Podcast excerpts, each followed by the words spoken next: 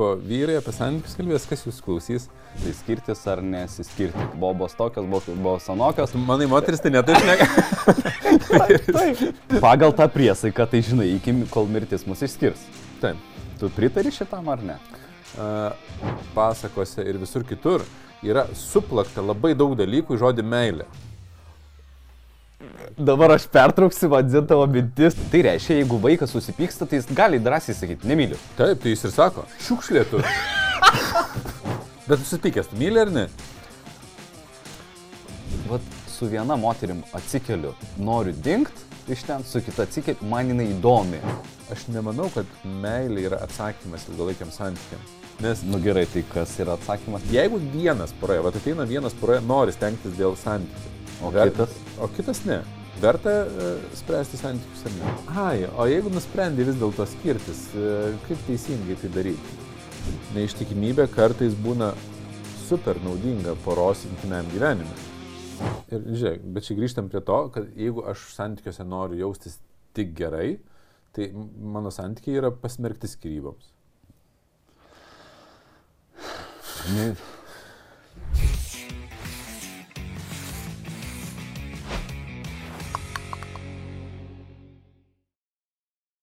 Nu gerai, tai ką, pradedam mūsų pirmąjį podcastą, kuris vadinasi Skiriamės juokauju. Tai Tai patys... su suprantat- intonacija. Labas visiems. Jo, tai patys suprantat, kad mes čia apie santykius, o iš tikrųjų tai aš noriu papasakot e, savo lūkestį, kodėl mes čia tą visą tai O tu darom. pasiruošęs pradžią. ne. Nu, žodžiu, tai aš esu kaip ir pasilgęs tokių galbūt gilesnių arba analitinių analizių pokalbėse su Arno apie tai, kada mes paimam kažkokią situaciją ir analizuojam tiek iš mano perspektyvos, tiek iš jo perspektyvos. Ir tai padeda nu, labai pačiam praturtėti ir įgauti platesnį požiūrį ir tobulėti. Tai vienas dalykas, nu, kad man pačiam būtų įdomu ir, ir, ir gaučiau naudos. Antras dalykas, tai tomis įžvalgomis, naudomis arba situacijomis pasidalinti su jumis. That's all. Aš tai kažkaip pagalvojau, kad Lietuvoje yra saliginai mažai pokalbių apie santykius, e, ne paviršium, ne, ne kad ten kažkas skiriasi ir kažkas taikosi, o, nu, bet, o tai kaip tie santykiai yra kuriami. Ir jeigu dar pažiūrėt, kad vyrai tą temą kalbėtų, tai apskritai ne. Tai man, aš jau girdėjau atsiliepimą, man sakė, e, durnas tu, nes, tipo, vyrai apie santykius kalbės, kas jūs klausys. Tai aš nežinau, jeigu klausote, tai ačiū. Vien dėl to, kad e, nu, džiaugiuosi, kad, kad e, ir, ir iš vyrų galima kažką išgirsti. Ir aišku, yra nelaiku užduodamas šitas klausimas, bet gal iškirpsim ir pradžią įdėsim.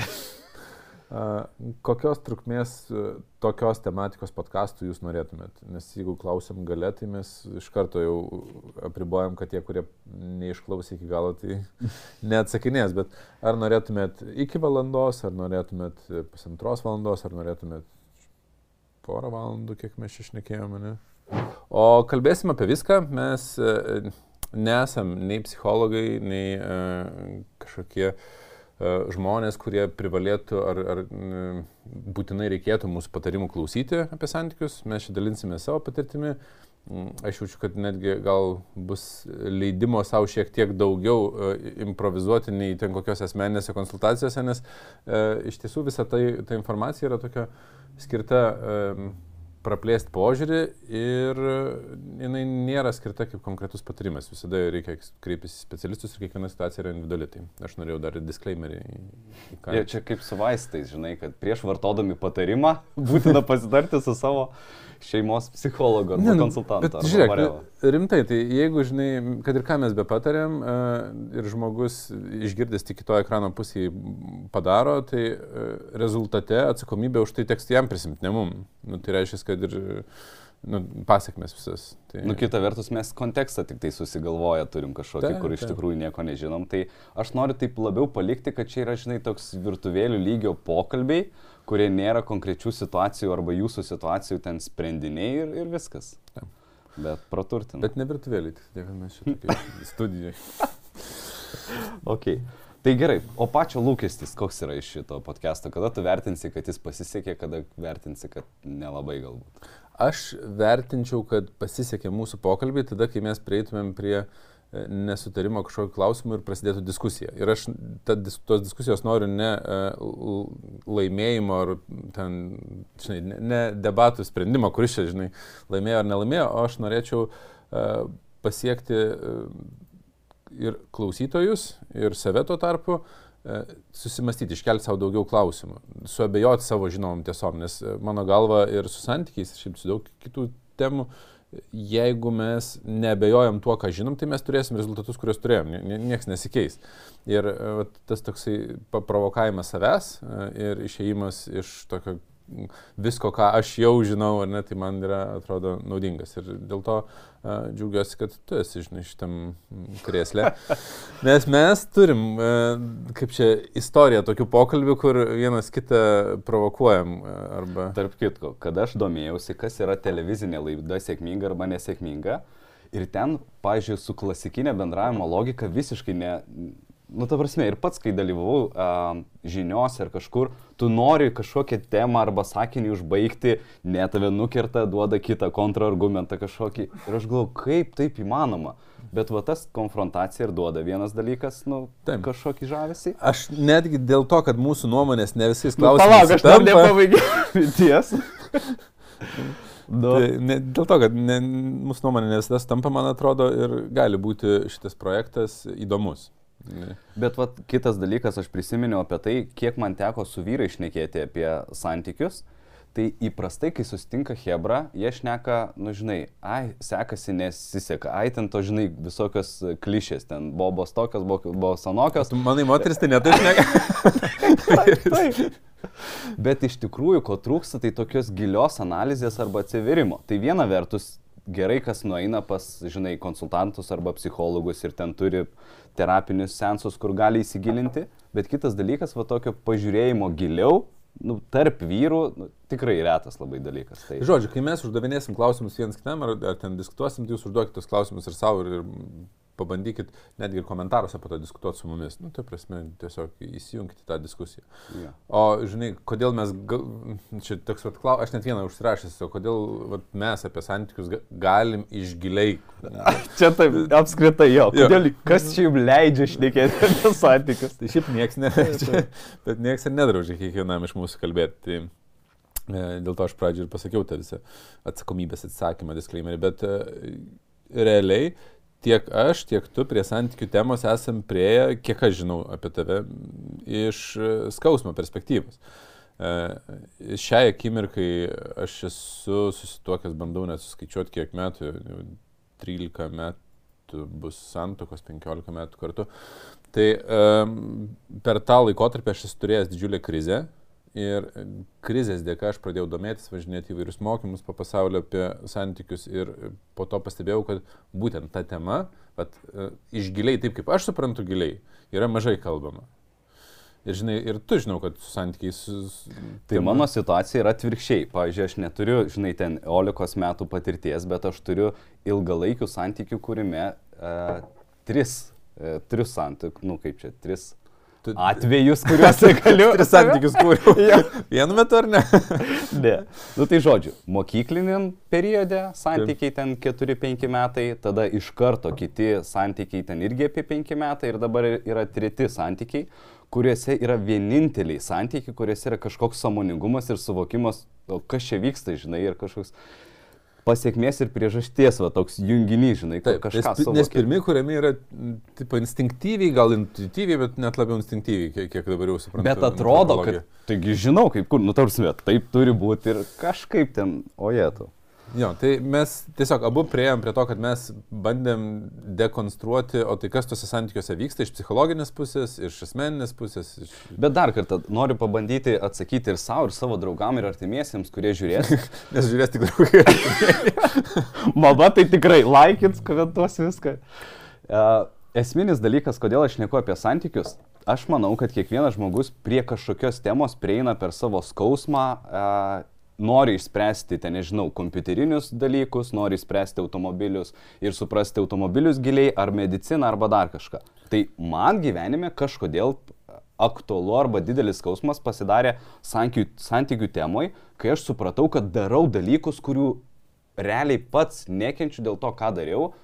Ir aš suokiu, kaip taip galima nežinoti. Ir aš tiesiog nėriau į tą temą, surinkau labai daug informacijos, patirties. Aš nesu super ekspertas arba kažkas, aš tiesiog turiu kažkokios žinios, žinių, patirties, analitinių gebėjimų analizuoti ir viskas, ir eksplorinu šitą temą. Taip, tai mes abu eksplorinsim čia santykių temą Taip. ir e, per tą eksplorinimą labai lauksim ir jūsų indėlio ir, ir prisidėjimo prie diskusijų. Taip. Nu, tai gal nerėmė į santykių temą. Gerai. Nes Šiandien mes pirmai temai, nu, kadangi pats podkastas vadinasi Skiriamės, juokauju.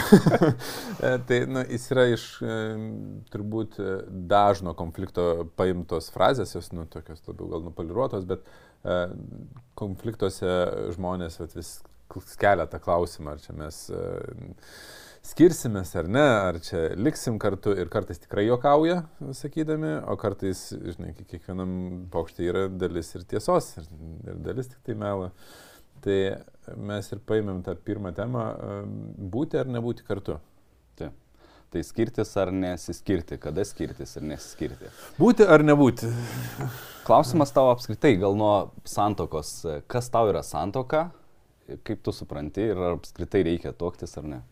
Aš um, esu už santoką e, ir man santoka padėjo išgelbėti santykius. Tai aš dėl to esu už. Mes, kai... Okay. Naujienas žinosi. Ne, realiai mes su Davilė susitokėm, kai buvo, man buvo 24-23 metai, mes buvom labai jauni.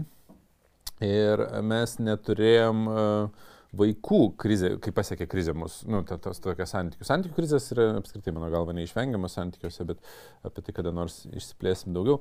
Bet realiai, uh, kadangi mes neturėjom vaikų, tai labiausiai stabdantis procesą reikalas, išsiskirsit ir įsidraskyti, buvo tai, kad mes buvom santokoj.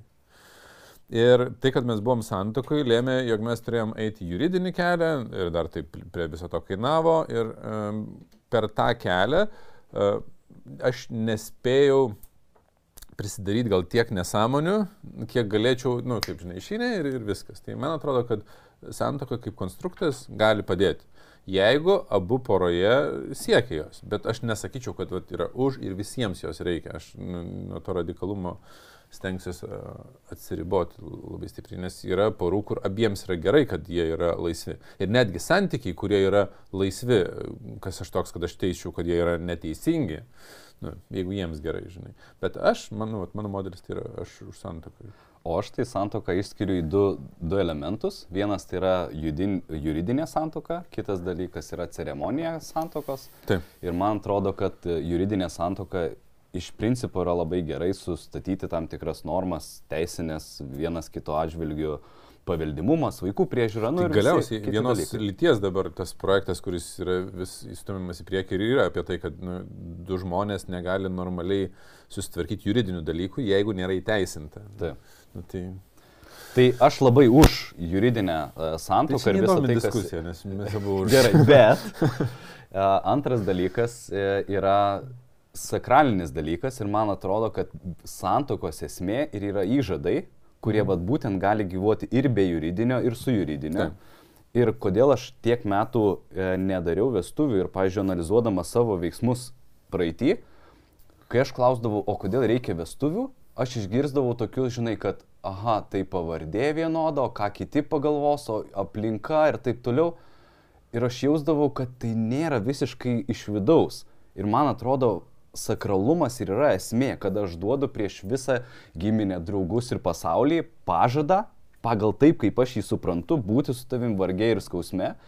Ir man atrodo, at, žinai, kur krikščionybė, man atrodo, turi tą tradiciją, kur popierinės, ten auksinės, demantinės vestuvės, kur atnaujinti įžadus. Taip. Man atrodo, tai yra superinis ritualas, kur tu grįžti prie įžadų ir sakralumą tą nu, stiprini. Aš, e, kadangi nu, vis dėlto tenka man su daug žmonių apie santykius kalbėtis ir dirbti, tai labai drąsiai pasakysiu, kad didelė dalis žmonių priimdami santokos priesaiką, įskaitant mane ir Dovilę, niekur neišskrent, e, nesupranta, kokio lygio tai yra priesaika. Ir tai reiškia, kad jie e, sako ją, nu, nebūtinai tai čiūri, taip reikia, čiūri kol nugaros nelaiko gal, bet žinai, bet iš principo sakai nelabai suprasdamas, ar tu laikysies ar ne, kaip mano vaikai dabar, žinai, ten pažada, kad e, Taip, taip, pirmą duok man desertą, po to aš valgysiu. Taip, taip. Aš turiu juoką, žinai, kai sako, aš būsiu su tavim vyrė, aš būsiu su tavim ten, žinai, vargė ir skausme, bet jeigu tu uždirbsi daugiau negu, tai jeigu nebeuždirbsi, šešis mėnesius išėlės arba metus, nu, pagalvok. Ne, nebebūsi. Ne? Tai, e, aš manau, kad e, ta priesaika turėtų būti labai sąmoningas sprendimas ir iki tokio lygio sąmoningo sprendimo, kaip krikščionybės nusakyta priesaika, nes krikščionybės naprašyta ta priesaika pakankamai yra ryškiai. Tai mums ne vienerius metus tenka eiti, kad mes galėtum drąsiai pasakyti, kad aš esu pasiryžęs būti su tavim. Bet taip tas atnaujinimas, ir... tas duotų, žinai, paturbinimą savai, duotų labai daug. Bet, bet iš priesaikos pusės aš manau, kad kai jaunuoliai 24 metų mes tuokėmės, e, tai ta priesaika yra labiau tokia siekėmybė, kad aš gal norėčiau taip prisiekti, bet iš tikrųjų emociškai nesusibrendęs pakankamai, kad aš galėčiau tokio lygio priesaiką pasakyti. Kaip ir mano vaikas nėra e, emociškai pakankamai Ta. brandus prisimti tam atsakomybę už tai, ar jis valgys po desertą, ar norės valgyti ar ne, žinai. Tai jam yra trys metai. Nu, nu tai gerai, apie santoką įsiaiškinom, tai dabar kiek laiko ta santoka turėtų trukti? Būti ar nebūti? Kaip tu manai? Kiek, kiek laiko santoka turėtų? Nu, nes pagal tą priesaiką, tai žinai, iki kol mirtis mus išskirs. Taip. Tu pritari šitam ar ne? Uh, aš ieškočiau atsakymo kiekvienoj poroje individualiai, su kokiu mm, pagrindu arba kokiam pagrindu jie kuria santykius. Aš manau, kad per mažai yra kalbama apie tai, kad santykiai turi turėti tam tikrą prasme žmonėms. Ir uh, aš šiai dienai E, žinodamas apie santykius tiek, kiek aš žinau, lakstydamas ten po visokius mokymus, negaliu pasakyti, kad uh, niekas negalės išskirti manęs su Dovilė. Bet aš, kas liečia mano valią, aš esu tikras, kad aš esu pasiryžęs daryti viską, kad tie santykiai išliktų iki tol, kol mirtis mus išskirs. Ir čia, žinai, toks, bet aš ne, nu, visada yra, nu tai, yra daugiau dedamųjų, nei, nei tik aš ką sugalvojau padaryti. Ta. jo, tai tikrai. Nu, tai, e... O žinai, tu tą e, psichologijos e, pasakymą, kad kiekvienas žmogus automatiškai prieina prie išdavyščių. Ir tai prasideda nuo, nuo vaikystės ir kūdikystės, kada ten tėtis išduoda, ten mokytojai išduoda, kada nu, visą laiką tu eini prie išdavyščių. Apskritai, visi žmonės yra kažką išdavę, nebūtinai intimiuose ar ten romantiškose santykiuose ir visi yra buvę išduoti tam tikram ligmenį. Tik tai tiek, kad e, vaikui ten e, išdavystė kažkokio, žinai, draugo, kuris ten žaislo nepasidalino su juo, atrodo vos net taip pat skausminga, kaip žmogui, kuris ten po kažkiek metų sužinojo, kad antra pusė turėjo kitą antrą pusę. O tarp kitko, kažkur mačiau e, ar tai straipsnį ar tyrimą, dėl ko žmonės parinasi pagal skirtingą amžių. Žinai, ir kai tu čia parinėsi, dėl verslas išgyvens ar ne, čia valstybė kaip išsaugo, čia ten santoka ir vaikai, žinai, o kaip modeliuką noriu gauti, žinai, ar ne valdė. Aš, aš matau, namie. Taip pačiai parinasi, Taip. žinai. A. Aš, ašgi matau tą emocinį, emocinį įkrovą, kuri būna pas vaikus tai e, rezultatas tikrai nu, panašus yra, net suaugę kartais, na aišku, suaugę geriau moka tvarkyti su šituo emociniu savo, žinai, e, dalyku. Bet klausyk, nu, tai kas turi nutikti, kad... Uh, vat, Bet palauk, aš noriu kiltų... pabaigti dėl mirties. Ne, man ne, patiko... Ne, ne, Nebaigim mirtim dar. Aš noriu pasakyti, kad man patiko visai geras pasakymas, kad santokoj verta būti tol, kol yra meilė. Nes jeigu žiūrėti į tą meilę suvokimą tokį... O, nes palėtėm kažką. Pa, paėm dabar į, į šitą lisas urvą, žinai. Nu, bet... Nu, okay, ok, ok, nu gerai, meilė. Jeigu atskirsi meilę nuo įsimylėjimo. Ka, Vytau, tai kas yra meilė? Na, gerai, aš sakau tik tai savo apibrėžimą. tai taip, taip, taip. Jo. Tai man atrodo, kad meilė yra kažkoks vidinis noras pasiaukoti ir daryti, kad kitam būtų gerai. Aš atskiriu du terminus. Man patinka ir aš myliu. Na nu ir pavyzdžiui, imkim gamtą. Gamtos mylėtojai. Taip. Man patinka gamta. Bet aš nesu gamtos mylėtojas, nes aš neinu pikėtuoti, neinu, neinu į ten, žinai, rinkti šiukšlių arba dar kažką. Man tiesiog patinka būti gamtoj. Mhm. Bet jeigu aš myliu, reiškia, aš paukoju savo laiką, pinigus, resursus, energiją, vardant to, kad būtų geriau. Lygiai taip pačiai iš tūkstančio moterų vad kažkodėl išsirinki vieną, dėl kurios gali stengtis ilgai. Ir, pavyzdžiui, aš kažkada turiu tokią istoriją, žinai, kaip berniukai mokykloje atsirenka mergaitės. Dėl vienos mergaitės gali pasistengti vakarą, dėl kitos savaitę, dėl kitos mėnesį, o dėl šitos taip erzina. Bet esi pasiruošęs, žinai, ten visą gyvenimą stengtis. Tai va tas Problema, aš čia tau paprieštrau, nu, Nu, davai. paprovokuok diskusiją. E, tu sakai, kad esi pasiryžęs aukoti. Mhm. Bet vien jau, jeigu mes galvojam, kad aš aukoju, nu, tai yra, mhm. atsiranda viduj nu, kažkokia tuštuma ir noras gauti atgal, jeigu aš aukoju. Nebūtinai. Tai jeigu mes grįžtam prie to, kad kiekvienas sprendimas turi, nusėkmė turi kainą arba bet Taip. koks, tai lygiai taip ir čia. Aš atsisakau savo pinigų, neišleisiu nusipirkdamas Xbox, o vat padovanosiu dovaną. Ir aš gaunu... Bet aukodamas, ką? taip, tipo gerai jautiesi aukodamas, ar ne? Būtent tam, nu, kozui, tam Jo, santykiams okei, okay, arba- aš turiu šitą irgi išaiškinimą savo. Nu, žinai, paaišk- paaiškink. tas, kad aš gaunu atgal pasitenkinimą nuo tavo emocinio pasitenkinimo. Tai reiškia, įsivaizduok, tu gavai dovaną ir sakai, ačiū. Ir išeini, ir sakai, aš išpakuosiu namie, pasidžiaugsiu namie ir nieko. Taip. tau neduosiu atgal Taip. emocinio ryšio. Atiduok dovaną atgal. Taip.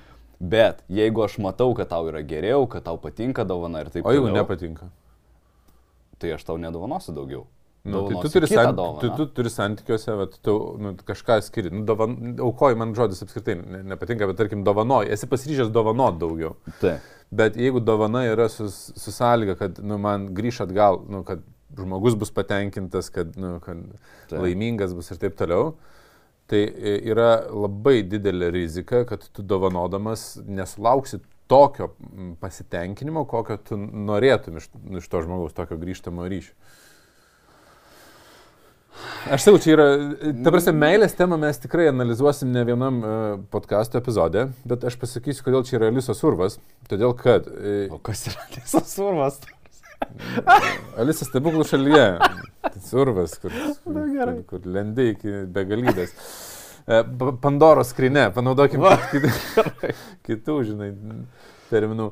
Nes e, pasaulyje, e, fikciniam pasaulyje, ypač knygose, filmuose, pasakose ir visur kitur, yra suplakta labai daug dalykų į žodį meilė. Dabar aš pertrauksiu, vadinu tavo mintis raidą. Tai aš. Nepamiršk. Aš tikrai Ai, viskas? nepamiršiu. Okay. Aš, aš laukiau tavo dabar Okay. reakcijos. Mes einam dabar uh, mokymus, kuriuose pasakoja, vieną citatą sako, vad, vaikai gimsta iš meilės. Ir aš Iš sakau, gimsta ne iš. aš tą patį sakau, sakau, žinai, e, sakau, čia yra tiesiog faina tikėti. Nu, Taip, čia fantazija. Jo, kad vaikai iš meilės. Nes jeigu nebūtų meilės, tai negimtų vaikai. Nu ne, ne iš meilės, tai tu pritempi. Ir, ir Agnė sako, nu ne, visose knygose tai prašo, žinai, kad, nu, va, kodėl vaikai atsiranda? Iš meilės, nes taip arba čia teigiamas būdas, kad vaikai atsirastų žuoti iš meilės. Būna, kad ne iš meilės. Bet...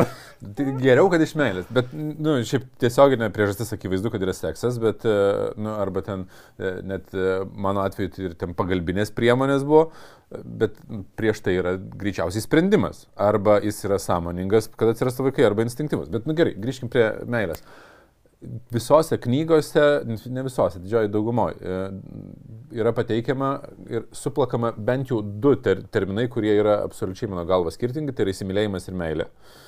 Bet tarp kitko, visuose mokymuose jie yra išskiriami, kas įdomiausia. Mokymuose jau pakankamai, blem, bet tu turi būti pakankamai, e, kaip čia, um, Kaip čia dabar užpyksit? kaip, kaip čia švelniai pasakyti bukas, kad, kad tu ne, ne, nematytum, kad įsimylėjimo reakcija yra laikina ir kad yra in- instinktyvi, kad jinai išsivyščiusi kaip mūsų toj gyvuliniai prigimti ir, ir kad yra vat, meilė ir apie meilę, o kas yra meilė, tai mes turim skirtingą. Nes aš žinai, aš su mama diskutuoju, tai jos atveju meilė, sako, čia gal yra e, pasiaukojimas ir noras dėl kito žmogaus daryti ir nu, kažkiek netgi e, primena Tai penkios meilės kalbos, galėtum sakyti, kad meilė yra. Ne, ne, ne, ne. Aš, man, mano galva apskritai, meilės suvokimas man, kuris leido labai ramiai suvokti, kad aš Dovilę myliu, atsirado saliginai neseniai. Saliginai prieš trejus kokius metus, analizuojant jau santykius po visos krizės, ne, nes aš e, netgi psichoterapiją lankydamas po mūsų krizės,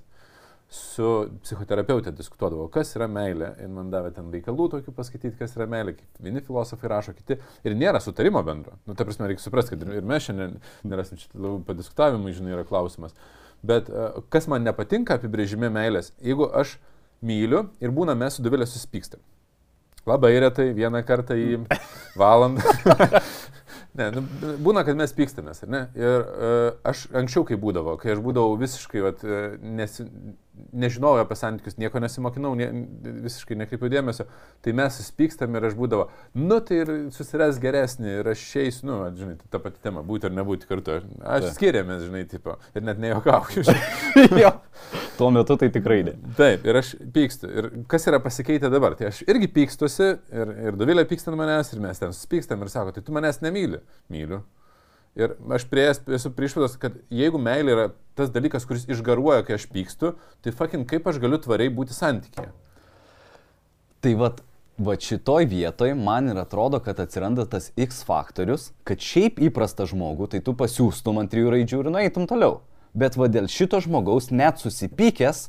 Bet susipykęs, tu myli ar ne?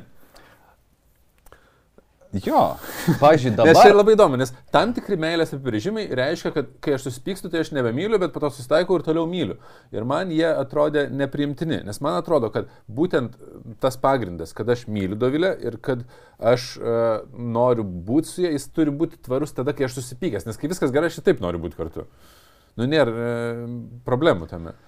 Nu gerai, imkim tada, pavyzdžiui, sakykim, samoningumo, vaiko samoningumas yra uh, žemesnis, ne? Mhm. Tai reiškia, jeigu vaikas susipyksta, tai jis gali drąsiai sakyti, nemyliu. Taip, tai jis ir sako. Taip, aš ne, Dar iš jų nesimoko, ateina šiukšlėtų. Rimtai? Nesuprasdamas net ką reiškia, žinai, reikia, žinai, pradžius nervinį pato bandai paaiškinti, kad, nes jis nežino, ką čia, nu, ten girdėjo filmuką, nes aš girdėjau, ką tik klausęs filmuką ir atėjo. Nu tai gerai, tai va, pavyzdžiui, vaikas, konflikto metu myli, nemyli, paskui ir taip toliau, tai kaip įsiaiškinti, ar jisai vis dėlto myli ar ne? Tai žiūrėk, ir, va, aš prieisiu prie savo meilės brėžimo. Mhm. Mano galva meilė yra gebėjimas priimti žmogų su jo privalumais ir trūkumais, pliusais ir minusais. Ir tai yra, emo... kai aš sakau, kad gebėjimas, tai aš tą ir turiu omeny, kad e, meilė yra būsena, kada mes gebam. Ir vat, realiai tam reikalinga emocinė branda. Ir vaikas yra prisirišęs prie tėvų. Ir nu, jisai vienareikšmiškai turi labai daug kitų uh, dalykų šalia meilės. Bet iš kitos pusės vaikas yra, nepaisant to, kad samoningumas yra labai žemas, jis yra pasiryžęs dažnu atveju priimti ir privalumus, ir trūkumus tėčio ir mamos, nes jis nelabai žino, kaip kitaip gali būti. Nu, prasme, o tu žinai tą anegdotą su kaip įsiaiškinti, kas geresnis draugas, žmona ar šuo? Žinau. žinau. Aš tai... sakiau, kad venkim seksizmo. Jo, tarp kitko, atsiprašom, nes iš tikrųjų seksizmo bus daug, nes labai daug mūsų ir kultūros, ir mūsų integruotų pasakymų ir žinių yra iš tų laikų, Bet kada dar tyčinis. buvo. Mes atsiprašom iš anksto, jeigu netyčia kažkur pa, pa, paminėsim. E, ir... Nu, žodžiu, bet lygiai tas pats aš pastebėjau a, praeituose dar santykiuose, kada grįžti po kažkiek laiko susipykęs, kaip reaguoja vaikas ir kaip reaguoja žmona. Tai reiškia, žmona, jinai linkus kaupti pyktį, o vaikas, ah, atleidžiu, žinai, arba priimu tave tokį, arba kai tėvai išsiskiria ir, vaika, ir vyras grįžta, nu, tėtis grįžta pas vaiką tokiu dažnumu, kaip jis gali, pavyzdžiui, kartą į pusmetį, tai vaikas vis tiek džiaugsis. O va, žmona. Ne, nebūtinai, aš, aš žinai, aš buvau toje pozicijoje, kur... E, nu, žiūrint, tai tėvas išvažiavo, vaikas. žinai, ir, ir jisai, kai man buvo 10 metų grįžo ir atvažiuodavo kartą į pusmetį. Ir, Ir kad aš sakyčiau, kad aš džiaugiausi, aš labiau bijojau neturėti arba, bijo, žinai, yra labai, sakau, su vaiku, nu, gerai, žiūrėk, tai su vaiku yra labai ne, netikslinga žiūrėti, nes vaikas e, turi suplakęs labai daug instinktyvių e, reakcijų pas save. Ir aš prisimenu savo tą baimę, kad nu, tu įsivaizduok, tu esi savotiškai nu, nenormalus, nes tu neturi tėvo, nu, tai nenormalus tai visuomenė sakysi, mm. kad tu, tu esi kažkoks, va, tavo tėvas tai niekada niekur neteina, tu neturi jo. Ir dabar jisai atsirado ir tu bijai jį prarasti, nes jeigu tu suklysi, kažką padarysi ne taip, jisai vėl išvyks. Ir šalia to dar prisideda visas emocinis fonas, nes mamai, nu mano mamai, nu, tai santykis su juo nėra toks pat, kaip man norisi, kad jisai būtų. Nu, viskas yra labai labai komplikuota. Ir šituose šitam kontekste kalbėti, žinai, kad vaikas bet kokiu atveju besąlygiškai myli, e, man apskritai pavyzdžiai su vaikais e, yra labai geri tada, kai mes kalbam apie emocinę brandą, nes mes visi esam, na, jeigu ir neturim vaikų, tai esam buvę vaikais. Mhm.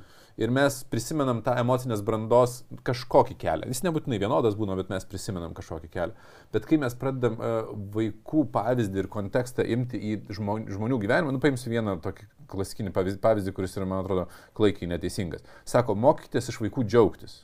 Mhm. Nu, kad žiūrėkit, kaip vaikai moka, va, pasiema žaislą, džiaugia, džiaugiasi, mes nemokam taip reikšti savo emocijų ir taip džiaugtis. Ir va čia yra subjektivus, šališkas matymas ir bandymas matyti tik tai gėrio. Tie žmonės, kurie e, taip patarinėja, arba nėra auginę vaikų, arba jie nenori matyti kitos pusės, nes jeigu jau mokinam džiaugtis kaip vaikai, kodėl mes tada nesakom, o tai paliudėkit kaip vaikai. Krentam ant žemės, daužom rankom žemę, žinai, iki pamelinavimo rėkiam. Kodėl to nedarom? Nes čia yra abi, ta prasme, jų, džiaug, jų tos amplitudės abi į džiaugsmą ir į e, negativumą yra to paties, e, tos pačios kilmės, tai yra žemo emocinio samoningumo. Jie labai greitai pasineria į, į džiaugsmą, nes nemato visų kitų aplinkybių ir labai greitai pasineria į skausmą, nes nemato objektyvios va, tos pusiausvėros. Ir ėjimas link pusiausvėros emocinė prasme ir yra, va, nu, žinai, iš kur, iš, kur, iš kur aš prieėjau prie to, va, tokio meilės apibrėžimo, tai jis žiauresnis yra. Nu, tik tai tiek, kad jis skamba labai sudėtingai, kad meilė yra priešingybių sinchronizacija ir sintezė. Nu, bet tiesiog tai yra labai jau komplikuota. Bet va, gebėjimas priimti kitą žmogų ir jo pliusus ir minusus, tai šiai dienai aš matydamas Dovilę labai aiškiai matau, kad tie privalumai, kurie man yra labai žavintis joje, yra pasiekmė tų trūkumų, kurių nekenčiu. Kurių aš nekenčiu. Arba atvirkščiai, tie trūkumai, kuriuo aš nekenčiu, yra pasiekmė tų privalumų. Ir labai sunku sudėlioti, bet, nu, kalbant apie uh, Dovilę, tai, lengvai galiu kalbėti, nes šiandien bus ne, ne, nebe seksizmas, ar ne, nes, nes tai yra asmo. Uh, jinai yra uh, labai emocionali. Ir man labai patinka, kad jinai uh, kai tos emocijos yra tokios, kokiu aš noriu, taip teigiamai. Būna labai fainai. Bet kai jinai pakeičia nuomonę tris kartus, kai mums reikia kažką, kažkur priimti sprendimą, tai aš nekenčiu. Bet, bet tai yra nu, ta pati savybė, tik tai kitam kontekste pasireiškus. Ir aš negaliu sakyti, nu, gerai, tą savybę demonstruoti. Dabar žiūrėk, tai jeigu meilė yra prieimimas viso spektro pliusų ir minusų, tai aš galiu va Albertą priimti. Bet visos jo taip. minusus ir, ir va tada jau aš jį myliu? Mano galva taip. Ok, o mano galva, man jis tik patinka.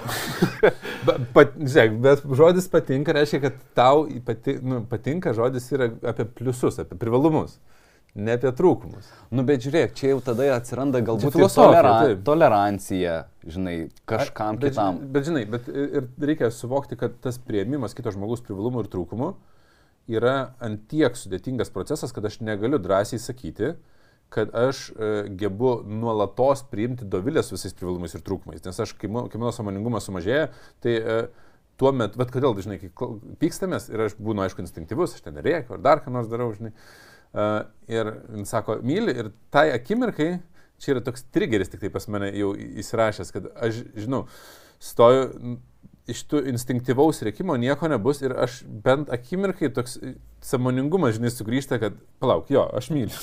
Aš žinau, kad aš samoningesniai būsenoj gebu priimti jos ir, ir trūkumus ir minusus. Tiesiog dabar aš esu toj būsenoj, kurioje negebu priimti. Tai kai tu sakai, kad va, aš Albertą galiu priimti, uh, gali, bet ar tu sugebėsi, aš abejoju nes e, reikalingas pakankamai didelis e, emocinis savęs. Nu gerai. Tai bendravimas. Ir, žinai, ir dėl to aš galvoju, kad kai mes priimam sprendimą būti su kažkokiu žmogum ir prabūnam su juo ten 10 metų, nu grįžkim prie temos, būtent nebūti kartu, prabūnam ten 10 metų su juo, 5 metus, nežinau, 2 metus, turim vaikų kartu ir taip toliau. Mes pradedam pažinti to žmogaus emocinės žaizdas, savo emocinės žaizdas ir taip toliau.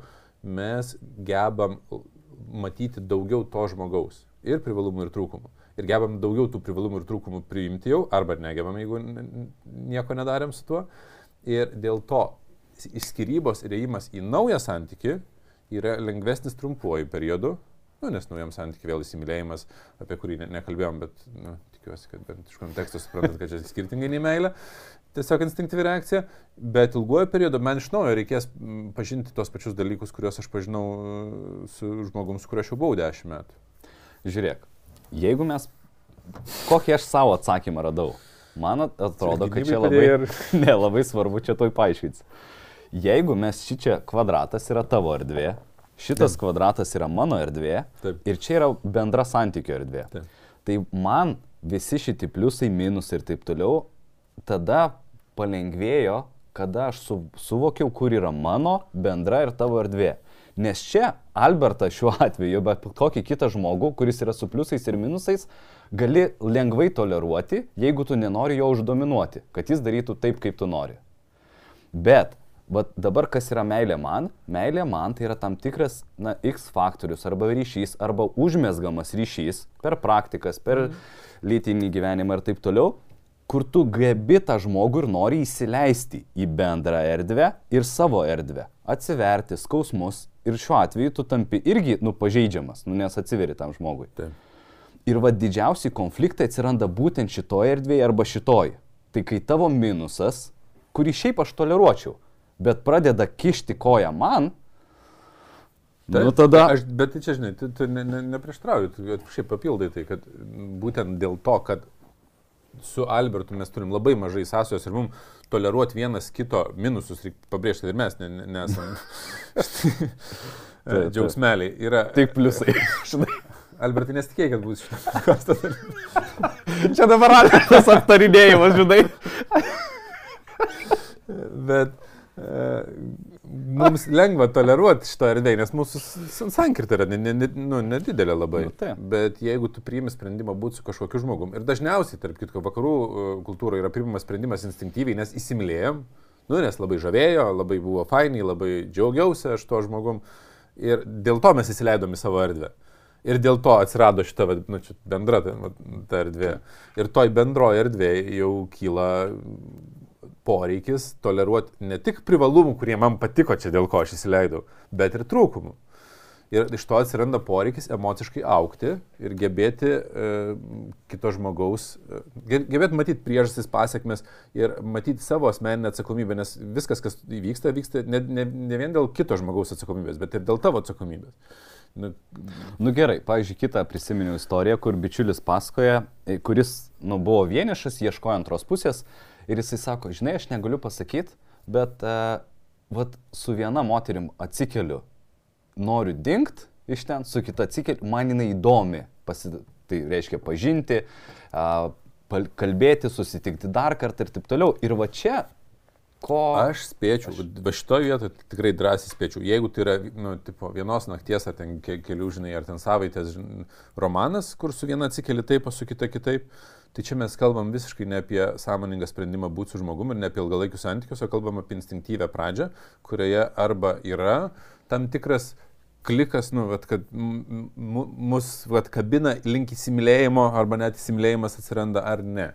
O tarp kitko, tu žinai. Ir čia ir žinai, teorijų visokių yra. Aš net e, prisiminiau vieną teoriją, kad net ir kvapo klausimas yra, kad e, viena hipotezė yra, kad jeigu tave labai erzina antros pusės kvapas, tai yra didelė tikimybė, kad genetiškai jūs saliginai artimi esat, nes nu, kad būtų atstumimas, kad tu norėtum su genetiškai toliau, nu, kad genofondas maišytųsi. O čia labai įdomiai, nes tai. aš atvirkščiai. Aš nežinau, ar hipotezė teisinga, nesigilinu, bet... Tu žinai tą teoriją, kad e, aistra arba potraukis vienas kitam atsiranda nuo poliškumo arba tų vadinamų skirtumų.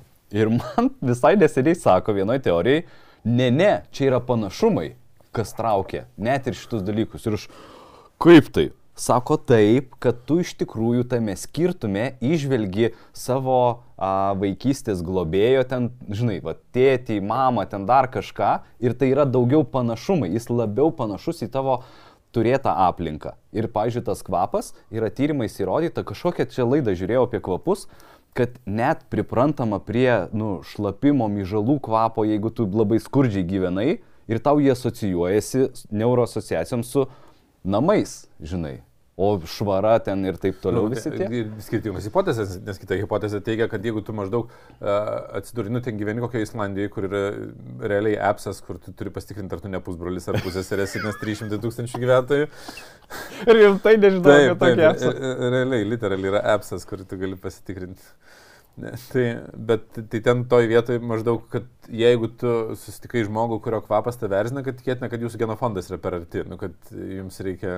Okay. Nu, ir kad jeigu tave tau traukia, tai kad jau yra pakankamai, žinai, ir aš nežinau, ar teisybė. Ir čia tiesiog Insane. apie santykius yra tiek visokių hipotezių ir aš labiausiai esu tikras dalykais, kuriuos aš pats esu uh, patyręs ir išbandęs ir aš žinau, kad jie nėra, bent jau nesu tiek gal e, susireikšminęs, kad jie yra sprendimai visiems, bet kaip vienas sprendimas įmanomas, aš žinau, kad jis egzistuoja. Nu gerai, tai aš noriu rezumuoti savo pasakymą. A, mes man... vis apie temą, žinai. tai čia žiūrėk, man meilė yra tada, kada aš turiu vidinės valios stengtis ypač tada, kai man nepatogu, konflikto metu ir taip toliau.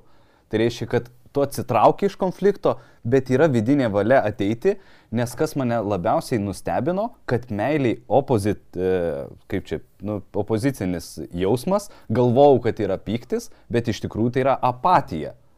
Kai tau dzin. Va, visiškai. labai gerai, kad tu pasakai opozit, nes aš pasakysiu iš savo perspektyvos. Tai mano galva, meilė yra visų šališkų emocijų sintezė. Taip Tai reiškia, kad jai nėra opozit, jin yra pusiausviroje. Tai yra, kada mes, ir aš žinau, kad labai nedidelis kiekis, nykstamai mažas kiekis žmonių meilės apibrėžimą naudoja vat, tokiam kontekste, bet nepaisant to, žinai, man tai sudėliojo taškus ant į kad yra įsimylėjimas, tai visiškai šališka emocija, kuriai priešingybė yra neapykanta, nu, mhm. okay. kur, nes mes žavimės, o po to nekenčiam ir, ir, ir kuo labiau žavėjomės, tuo labiau nekenčiam, kai pamatom minusus žmogaus, bet e, čia kada nors kit, kita tema bus. O pat meilė yra tas pusiausvėros jausmas, vidinės pusiausvėros jausmas, kur tam tikram samoningume aš tikrai kartais, būdamas su Davilė, labai aiškiai juntu. Iš kitos pusės, žinai, sakysiu, tai kodėl tu ten per krizę išbuvai ten su Davilė, tai aš labai gerai prisimenu, kad tuo metu kaip tik buvo prasidėjęs Krymo aneksijos reikalas, ten buvo 2014 metai. Ir uh, aš tiesiog viduj, kai kildavo ten vat, diskusijos, ką daryti, aš galvodavau, mes tuo metu su Davilė išsidraskėm, aš jau gyventi atskirai, nu, tu pameni, net buvai mhm. uh, tuo metu tam kontekste. Ir aš galvodavau, tai Kaip Dovilė, Dovilė ar, nereikėtų padėti, tai yra nepaisant negatyvių jausmų, nes ten buvo daug e, ne, tos neapykantos skirybų, kurie atsiranda ten ir epitetais labai nekokiais ne viens kitą išsivadinom ir Ta. ten, žinai, ir, ir melas, ir išdavystės ir visa kita, bet nepaisant to man rūpėjo, tai aš galvoju, šalia viso to skausmo rūpi. Ir aš tuo metu nesuvedžiau, kad tai yra nu, ir skausma, ir, ir tą, ir tą aš gebu priimti vienu metu, kad man ir rūpinai, ir aš vis tiek noriu uh, jie rūpintis. Ir galbūt tame buvo, aišku, ir didelė dalis prisirišimo, nes mes daug metų jau buvom kartu, bet, e, bet per tą laiką man išsigrino. Bet apie meilę kalbant, dar aš noriu e, prasiplėsti. Aš nemanau, kad vat, meilė yra atsakymas ilgalaikiam santykiam. Nu, kad, vat, pa, nes. Nu gerai, tai kas yra atsakymas ilgalaikiam? Prasmė. Santykių prasmė kokią, kokią santykių prasme mes turim sukūrę. Nes žiūrėk, jeigu mes statom ant meilės, kad ir kaip suvokia, net, net nereikia čia prie mano -hmm. prisirišti apibrėžimo, prie tavo apibrėžimo, prie dar kokio filosofo ar kanto ar dar kažkieno apibrėžimo, bet, nu, akivaizdu, kad įsimylėjimas ilgalaikių santykių nesukuria. -hmm. Įsimylėjimas yra pradžia. Taip. Čia ties to gal labai daug diskutuoti e, nėra, žinai, Taip. reikalo. Bet po to, nu, po to būna žmonės pragyvena po trijų metų, ten dar dešimt metų kartu Ir jeigu jie nemato prasmės tame santykyje, išyragi santykiai vis tiek. Aš tai vadinu santykių projektais arba nes ta prasme keičiasi kiekvieną kartą.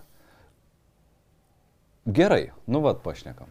Pavyzdžiui, tu žinai, kad žmogaus a, šiaip visa fiziologija ten visom lastelių lygmenį pasikeičia visiškai, man atrodo, per 15 metų, žmogaus asmenybė teoriškai keičiasi kas 7 arba 10 metų laikotarpį. Ir jeigu stiprus emociniai įvykiai ir dažniau gali. Jo. Tai reiškia, kad man tai, kas žavėjo, pinigai nebe, nebežavi, tai, kas žavėjo tada, nebežavi ir ta prasme nuolatos keičiasi. Taip. Ir aš sakau, čia mes, žinai, kaip parduodam brokuotą prekę. Va, mylėk mane visą gyvenimą, bet, žiūrėk, aš tai jau keisiuosi, žinai, kas dešimtmetį visiškai kitas. Čia, čia iš tos serijos, kur sako, žmonės nesikeičia. Ir mane kaip, kaip nervina šitas, sakau, vienintelis dalykas, kas yra užtikrinta, kad žmonės keičiasi, tik ne taip, kaip mes norim. Taip, taip. Nu tai va, tai Tai Taip, reiškia, kad tau užprogramuota. Taip, jie labai geras pavyzdys. Todėl, kad jeigu mes statom santykius ant kažkokio pamato, kuris yra judantis, kad santykiai išstovės, yra labai maža tikimybė. Nu, arba tiesiog šansą tada turim pagauti kažkokį. Taip. Bet jeigu mes sugalvojam pagrindą, kuris yra tvarus, tai santykiai turi didesnę tikimybę arba garantiją išstovėti bent jau iš vienos pusės. Tai mano galva iš žmogaus nu, poroje esančio e, perspektyvos santykių pagrindas turėtų būti prasme, kurią mes sukūrėm ir daugelis prasmių, kurias turi santykiams žmonės, kurios, nu, jie nesąmoningai, jie kartais net nėra kėlę klausimą savo, kokia mano santykių prasme, Čia. bet jie yra netvarūs. E, nu, pavyzdžiui, aš norėčiau, aš klausinėjęs su žmonių, čia nėra taip, kad aš esu prisigalvojęs tų prasmių, kad aš norėčiau e, dovanoti geras emocijas ir kad man dovanotų geras emocijas. O tai ką, kai nedovanos gerų emocijų, tai jau, tai jau reikia skirtis? Tai kaip ta priesaika būti vargė, skurdė ir, ir, ir laimė, žinai, nu, tai nesąmonė. E, aš noriu, kad mes e, sukurtumėm šeimą, užaugintumėm vaikus, o tai vaikai išeis. Tarp kitko, pakomentuokit, vad savo, užduokit klausimą, kokia man yra santykių prasme. Aš tai kitaip formuluodavau, žinai, kas tau yra meilė ir pagal tai gali daryti, žinai, kad... Tu, tu prie meilės prasme gal pririši. Jo, gali būti. Žinai, nes viskas čia yra lingvistika, ką mes sugalvojam. Nu, tai dabar aš atsimenu, kai aš analizavau, kas man turėtų būti ilgalaikių santykių pagrindas. Taip. Ir turint omeny, kad kiekvienas žmogus tave išdavė ir išduos tikėtina. Ir... Labai gerai šitas, taip. Jo, ir aš galvoju, aha, okei. Okay. K kokia prasme? Prog... Žiūrėk, bet, nes, sako, aš mylėjau, bet mane išdavė ir nebemyliu. Ne? Nu tai bet, vėl, meilės apibrėžimas, kuris nu, nutrūksta. Tai reiškia, kad jeigu aš esu dabar su Davilė ir jeigu uh, Davilė čia nėra paskatinimas, jeigu Davilė mane išduotų, aš nemanau, kad tai būtų santykių pabaiga.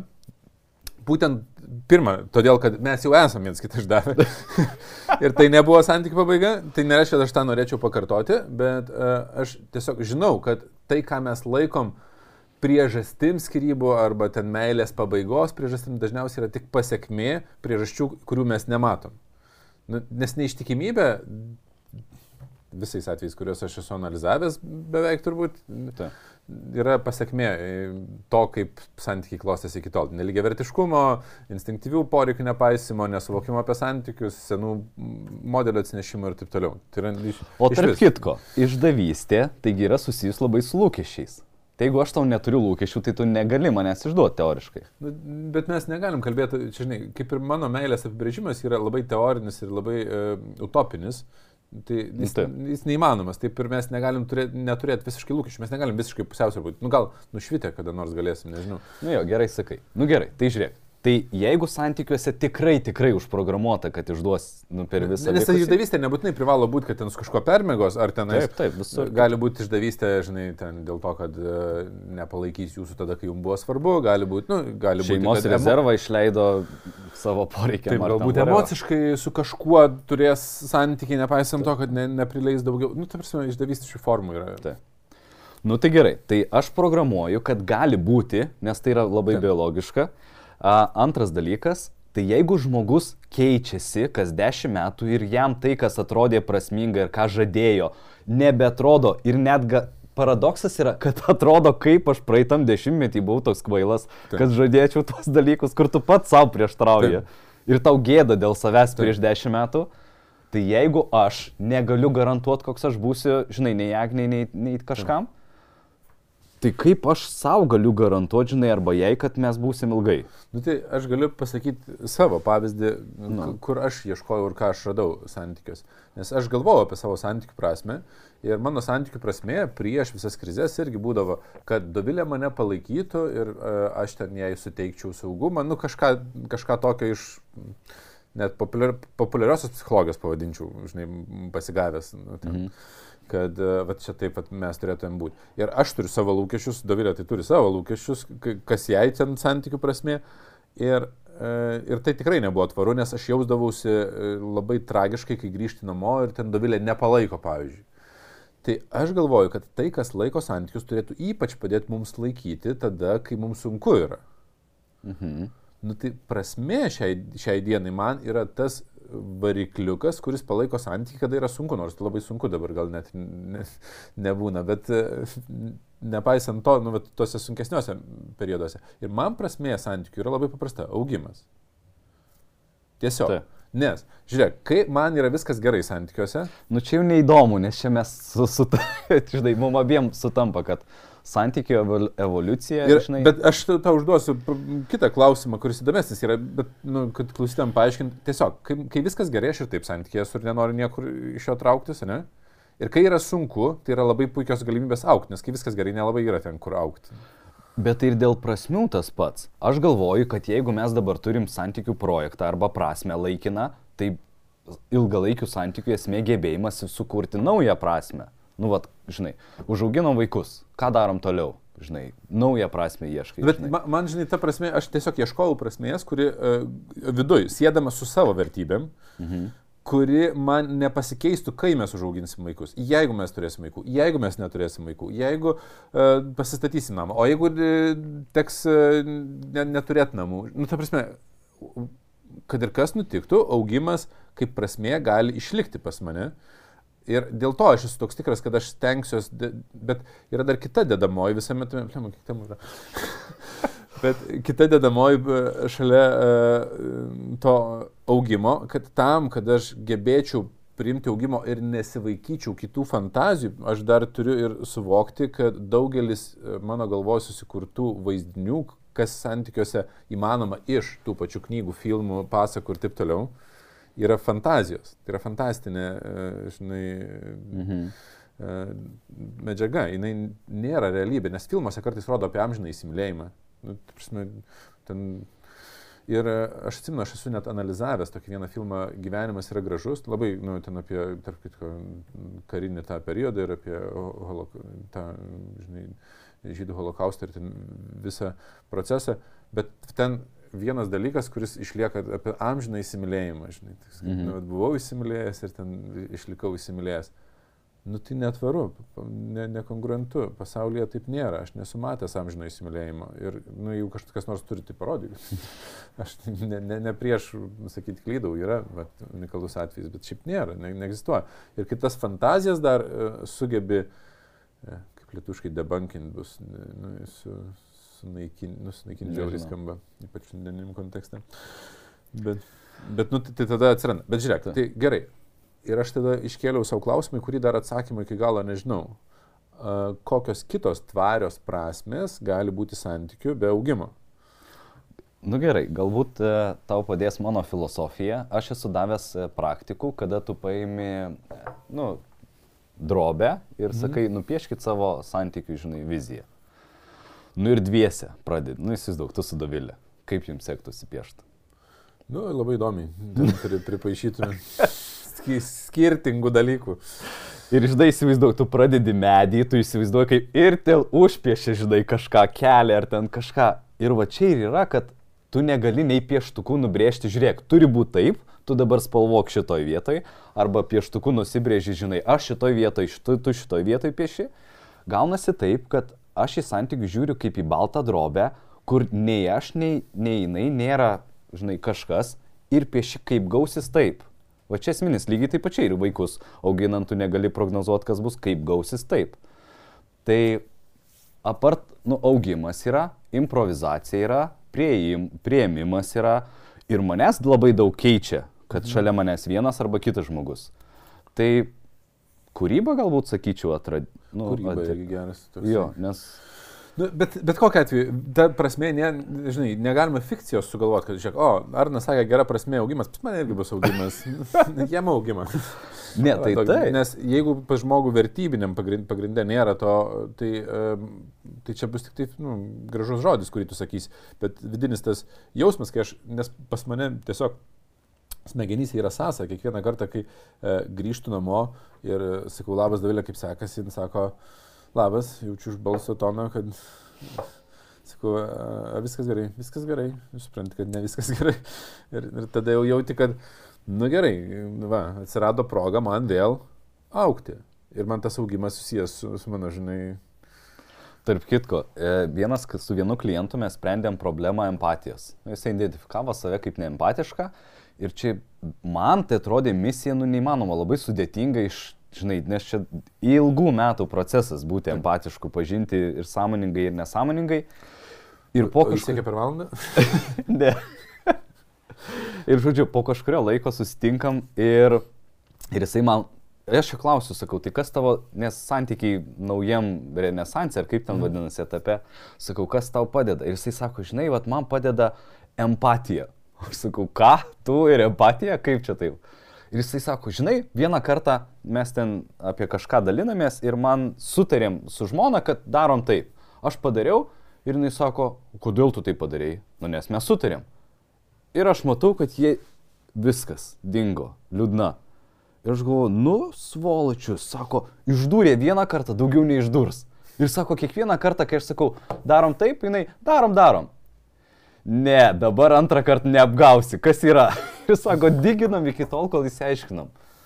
Ir man čia buvo įrodymas, kad galima, žinai, išugdyti empatiją ir vat, pažinti tuos dalykus ir nepasiduoti šitiem. Tai... tai taip, emociniai įgūdžiai, net, žinai, nieko nedarant jie pas mus stiprėja nuo vaikystės, gal tam tikram, žinai. O beje, noriu paklausti šiek tiek uh, statistikos.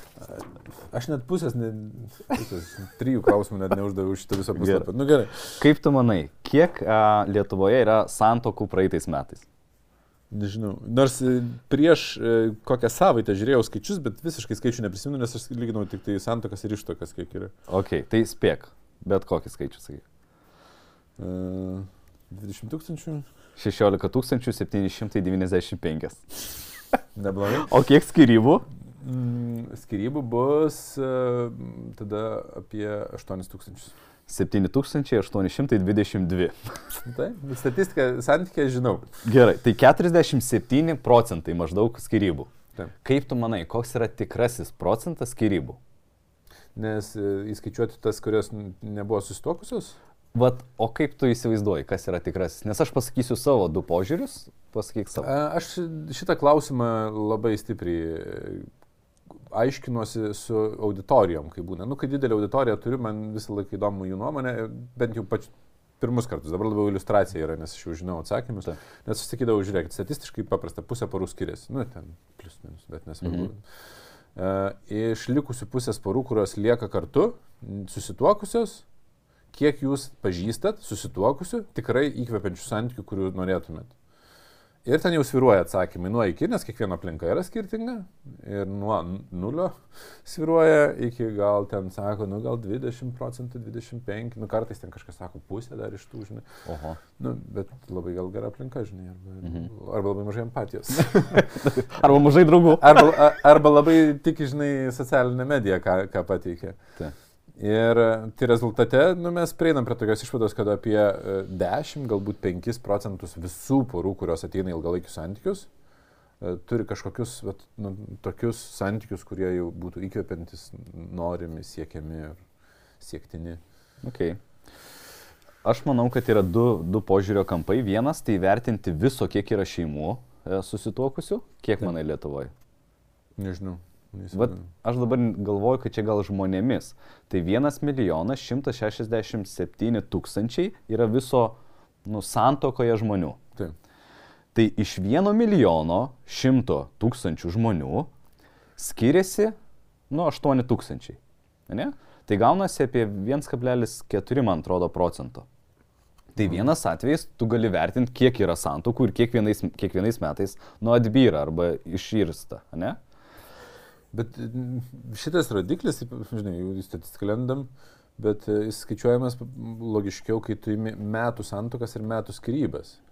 Ir jeigu tas skaičius metų santokų nėra taip, kad stipriai užaugo, arba nu, jeigu nėra labai stiprių pokyčių, tai metų santokos ir metų skirybos maždaug parodo santyki, kiek tuokėsi ir kiek galų gali iš tų skiriasi, nes, kažkiek, nes prieš kažkiek metų jos tuokėsi ir dabar skiriasi. Taip. Tai aš sakau, yra du požiūriai. O kitas požiūris yra tiek, kiek iš tikrųjų žmonės patiria skirybų neužfiksuoto oficialiai. Kaip manai, įvertinus visas draugystės, nu žinai, trumpalaikės, ilgalaikės, koks procentas žmonių skiriasi? Bet tai gerai, jeigu bendravo žmonės tris mėnesius ir įsiskyrė, čia skirybos skaitos ar ne? Na nu, gerai, sakykime, nuo šešių mėnesių jau. nuo šešių mėnesių. Ilgalaikė draugystė. Nes aš tai, aš tai sakyčiau, kad skirybos nuo tada prasideda, kai buvo bendras ūkis. Tai prasme, nes okay. gali būti, kad ir du metus žmonės da. susitikinėjo ir buvo friends with benefits, žinai. Ten. Taip. Nu tai gerai, tai kaip manai, koks procentas, jeigu vertinus visas neoficialiai užfiksuotus bendro ūkio? Aš manau, kad e, toks pat yra procentaliai iš tų, kurie sueina į porą ir skiriasi, aš manau, kad vis tiek bus apie pusę, kurie skiriasi. O aš manyčiau, žinau, kad apie 9-8 procentų turėtų būti. Jo, nu nes tu vieną kartą sueini skiriesi, kitą kartą sueini skiriesi, kitą kartą santoka. Ir arba santokai skiriesi, arba ne. Tai man atrodo, kad overall Gal. pusė tu yra užfiksuota. Aš nežinau, čia, čia visiškai čia spėjimas. Nu. Jo, bet yra plus dar tos, kurios neužfiksuotai skiriasi. Nu. Nu. Tai, tai žodžiu, statistika, ai, ir jinai, kadangi didėja, nu, kažkokia tendencija turi kažkurį laikotarpį jau liktai mažėja. Aš esu stebėjęs tą, žinai, kreivę aukštyn žemyn, bet e, jinai bendrai tai išlieka labai panaši pusė, arti pusės. Lietuvoje kažkaip nesiekia pusės, užsienio šalyse labiau link pusės eina. Bet... Ir žinai, yra toks, vad, pažiūrėjau, kalbant apie statistiką, tai negali vertinti bendrai statistinio vieneto čia gerai arba blogai. Nu, iš vis tokio nėra. Bet man kas patinka, tai šalyje yra laimės indeksas. Bet, pažiūrėjau, nėra tokio laimės indekso šeimos arba santykių laimės indekso. Tai žinai, Įdomus būtų. Jo, bet kiek, žinai, vertina. Bet, bet ta prasme, reikėtų labai didžiulės apimties tyrimą daryti visam nu, kažkokiam skirtingose geografinėse vietose, šalyse ir taip toliau. Bet, nu gerai, o tai ką tu iš tos statistikos, žinai, norėjai išvelgti? Nes aš iš stati... man šita statistika yra labai naudinga vienu klausimu, e, suvokimo klausimu, tokiu, kad jeigu mes norim turėti įkvepiančius santykius, mes negalim taikytis į vidurkį, nes vidurkis skiriasi. Vidutinė pora skiriasi. Vidutinė Taip. pora arba jeigu nesiskiria yra nelaiminga. Nu, kankinas ten to, to sen. Kaip mes su Dovilė, kai skiriamės, mums sakė, tai mes atkentėjom, kodėl jūs negalite iki gyvenimo galo.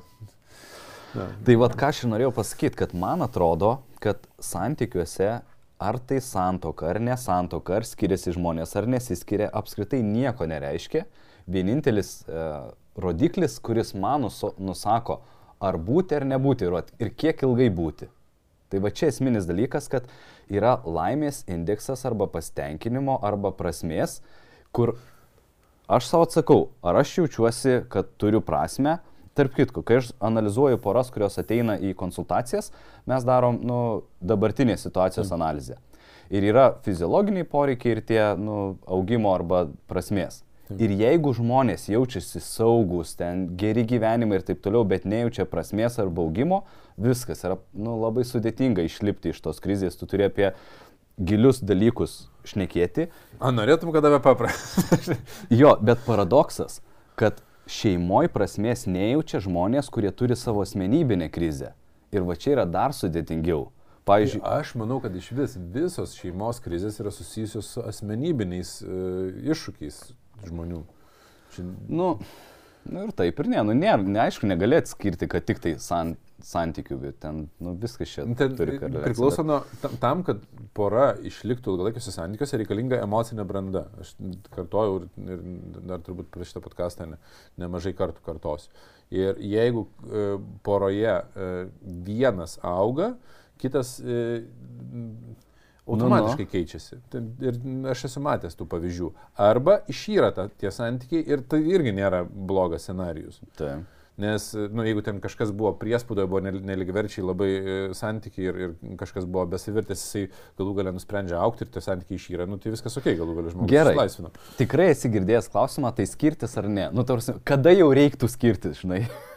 Aš, nu gerai, prieikim prie klausimų. Kiek mes valandą pašnekėjom, galim prieiti prie klausimų. Iš tikrųjų, tai galim nutai šitą podcastą gal į dvi dalis išskaidyti ir, ir palikti vieną, žinai, ir antrą dalį dar apie... O kokia čia viena, aš ne, neatskiriu. Nu, kad būti ar nebūti kartu, bet vieną valandą pašnekėjom ir po to dar vieną valandą. Ar šnekam iš karto, taip pat tris valandas. Ai, aš nežinau, gal kiek gausis, nes žinai, gal iškarpys ir gausis kiek penkias minutės. aš nieko naujo nepasakė. Nes pirmą, kokios problemos priveda prie to, kad svarstau apie skirybas. Nes žinai, e, pradėkim nuo e, pradžių. Kodėl žmonės pradeda svarstyti apie skirybas? Kokias tu žinai? Aš žinau iš... E, nu, iš... Gerai, aš turiu tokį posakį, kad jeigu žmogus apskritai suformuoja savo mintį, o galbūt ir išsako, aš noriu skirybos, skiri, skirtis arba mm. skirybų, reiškia jisai... Ir nepasako jokauju po to? jo, ir nepasako jokauju, taip. Tai jisai beda pirštu į arba situaciją, arba tave. Man nepatinki tu ir man gana ir aš noriu pokyčio, tai nereiškia, kad mes turim skirtis. Tai gali būti, kad mažas pokytis tavyje o suteiks man vilties kažką daryti, bet jeigu tu nesikeisi, aš noriu skirtis. Arba antras, man labai nepatinka. Ne, labai gera manipulacija. Taip. Aš, aš tai šitą gerai pažįstu, nes labai buvau linkęs ją. Taip. Arba man nepatinka šita situacija bendrai ir aš nežinau, kaip ją įspręsti tik tai skirybomis, nu ir verčiant kitą, žinai, neanalizuojant tas, kas buvo, ir verčiant kitą etapą ir tada jau atseit bus viskas gerai. Tai aš manau, kad pradeda svarstyti, kai kažkoks tavo poreikis nepatenkintas. Ir žiūrėk, bet čia grįžtam prie to, kad jeigu aš santykiuose noriu jaustis tik gerai, tai mano santykiai yra pasmerkti skyryboms.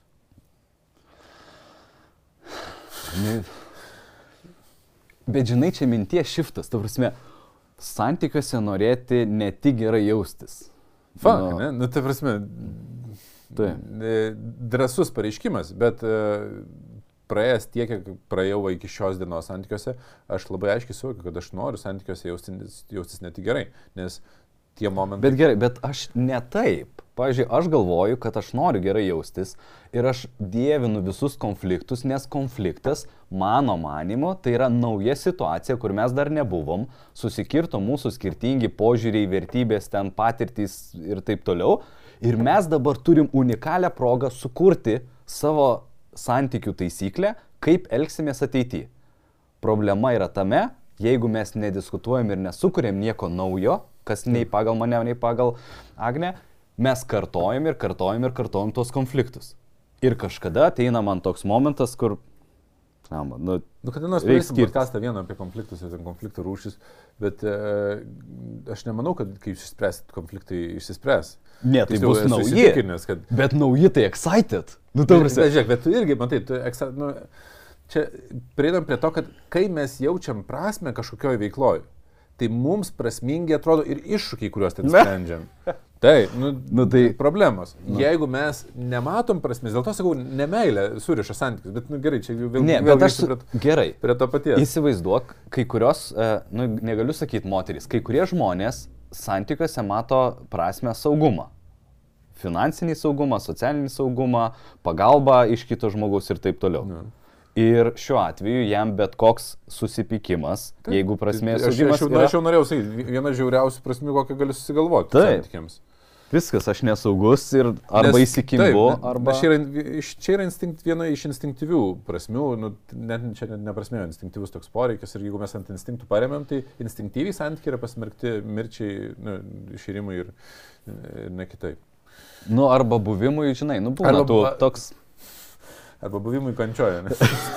taip, taip, bet nu, dėja tai būna. Bet e, apie santykių e, krizės, kodėl, žinai, tai aš susirašiau klasiką, kodėl ateina skirtis, žinai, arba rašo ten žinutės, kad jau mes, na, tai neištikimybė viena mhm. iš, iš priežasčių, nu, tai Na nu, gerai, taip, bet nežinau, nežinau, čia pirštu, ar, ar išmau, kad jisai žulikas ir ten, kad, kad išdavė, ar ten kokie kekšiai, kad kodėl tu tenai, ar, ar čia situa man situacija nepatinka, kad ne, nežinau. Tada priklausomybės smurtas, nu aš ten į vieną suplakiau, tai yra visas tos, kur už įstatymo ribų jau yra, nu, tu prasme, kur mhm. jau Taip. Pažeidžiami. Tada um, santykių atšalimas ir nutolimas, nu, maždaug ne, nebejaučiu meilės. Mhm. Nes vėlgi, jeigu meilė buvo prisirišimas ten kažkoks, arba jeigu meilė buvo su įsimylėjimu susijęta iš, iš filmų, iš pasakų, tai mes atšalam. Uh, dar viena, viskas erzina, nu, tai yra, kada ateini į santykius, tau, man niekas nebepatinka. Nu, tai aišku, čia yra tas jau Tai. uh, visiškai šališkumas prieitas, kada jau man viskas, ką jis daro, erzina, arba viskas, ką... O čia tas pats, kas, pažiūrėjau, man viskas, nu, dzin. Viskas pohui. Jo. Čia, ne- čia nėra, nėra LRT. Ai, šitos- nėra. Gerai, čia galima. Būti savivadė. Nu. Tai čia tas pats ar ne? E, Nu, gal, čia gal atskirą galima, aš, aš žinai, čia ne, ne, Ne tyrimo. neskirčiau, ne, ne, ne tyrimą darau. Tiesiog aš žinau, su kuo ateina žmonės Taip, ir taip. su kokiam priežastim. Ir uh, aš neseniai skaičiau vieną tyrimą uh, ir net Instagram'e dalinausi uh, ir analizavau. Amerikos psichoterapeutų draugijoje vienai buvo daryta apklausa, su kokia problema atėjus žmonėms yra sunkiausia išspręsti santykių iššūkius. Nu, su santykiais, su santykių kažkokiu iššūkiu ateina žmonės mhm. ir vat, psichoterapeutai, su kokia problema susidūrus yra mažiausiai šansų, kad išsispręs, vat, kur sunkiausia psichoterapeuto darbas ir sunkiausiai išsisprendžia. Ir uh, iš pradžių nustebau, po to galvoju, logiška, tik tai kažkodėl ne, ne, nesuvedžiau, nes Nu, nu. problemos yra priklausomybės, ten alkoholizmas, narkotikai, lošimas, žinai, neištikimybės ir taip toliau, nu, taip prasme, daug pr- problemų. O sunkiausia problema vis dėlto išrinkta, tai nereiškia, kad kitos lengvos, ten priklausomybė ir dar kažkas, bet sunkiausia problema buvo meilės trūkumas. Ateina, sako, aš nebemyliu, per Mhm. mažai meilės jaučiu. Taip. Nu va, ir tu grįžti prie to, ką aš sakiau. Nu, kad nėra to X faktoriaus ir kai tau yra dzin, tu daryk, ką nori. Bet aš, žiūrėk, bet aš galvoju, kad kai žmonės ateina, nes lingvistika žmogaus gyvenime daro labai didžiulį įtaką, nes mes kai pakeičiam požiūrį į tam tikrą dalyką, tai tu pats žinai, kai mes e, žodžio reikšmę savo galvoj pakeičiam, staiga pasikeičia visas pasaulis, atrodo, Taip. spalvom. Tai jeigu mes turim suvokimą iš e, istorijos, šeimos, e, aplinkos ir taip toliau, kad meilė tai yra tas va, ten Nu jo, nuolatinis šilti- jausmai, nuolatinis džiaugsmas, nuolatinis noras padėti, pagelbėti, kad tau padovanotų, ar ten tas pe penkias meilės kalbas ten tavo pildytų, ar dar ten vieną iš tų, kuri ten tavo yra stipriausia.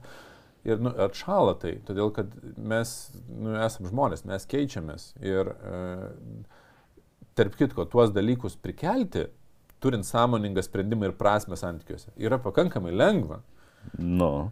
Bet... Nu, tai gerai, tai kodėl tu prieėjai prie to, kad čia logiška? Todėl, kad kai ateina žmogus, todėl, kad nėra pakankamai priežasčių spręsti. Jeigu, tu įsivaizduok, aš ateinu, aš turiu alkoholizmo, tarkim, problemą. Mhm. Ne? Ir aš noriu spręsti. Eina kalba apie žmonės, kurie ateina pas psichoterapeutus. Šiandien eina kalba apie žmonės, kurie yra tam samoningume, kad man viskas poho, aš nieko nedarysiu. Aš, aš, Taip, čia eina kalba apie tuos, kurie ateina spręsti. Aš turiu va, ten priklausomybės kažkokią problemą, ar ne? Tai jeigu jis ateina su priklausomybė, jam skauda priklausomybė. Ar jis geria, ar jis lošia, ar dar kažką, jam skauda, jam reikia Tiesa, išspręsti. tiesa. Ir kai jisai sprendžia, tam reikia ir vidinio požiūrio į save ir emocinio augimo, vėl pažiūrėjimo į emocinės traumas, į emocinės žaizdas. Ir tas atsiverimas, tarp kitko, padeda santykiams. Nes ten po to analizė buvo daryta viso to tyrimo. Tai padeda, ir jeigu antra pusė būna on board, nu, tai prasme palaiko, tai jinai nu, sustiprina porą. Nu, jie Taip. kartu su, su, su, sustiprėja ryšys. Neištikimybė, tas pats. Pri, privalomai turi atskleisti visus emocinius blokus poroje, bent dalį jų, kad e, galų gale e, suvokti, iš kur atsirado ta neištikimybė ir, e, ir kas tenais yra po slypintis, slypinčios problemos. Ir tai suriša porą vėl. Mano su Dovilė pavyzdys buvo, mes t- buvom visiškai tokiam, nususėjom kartu. Jis buvo graži, aš tai nežinau, kodėl nusipirkau. Žinai. O tai rimtai, va, o tu tiki ar ne, žinai, ten karma, likimą arba ko- kodėl? Santykių antra pusė aš netikiu.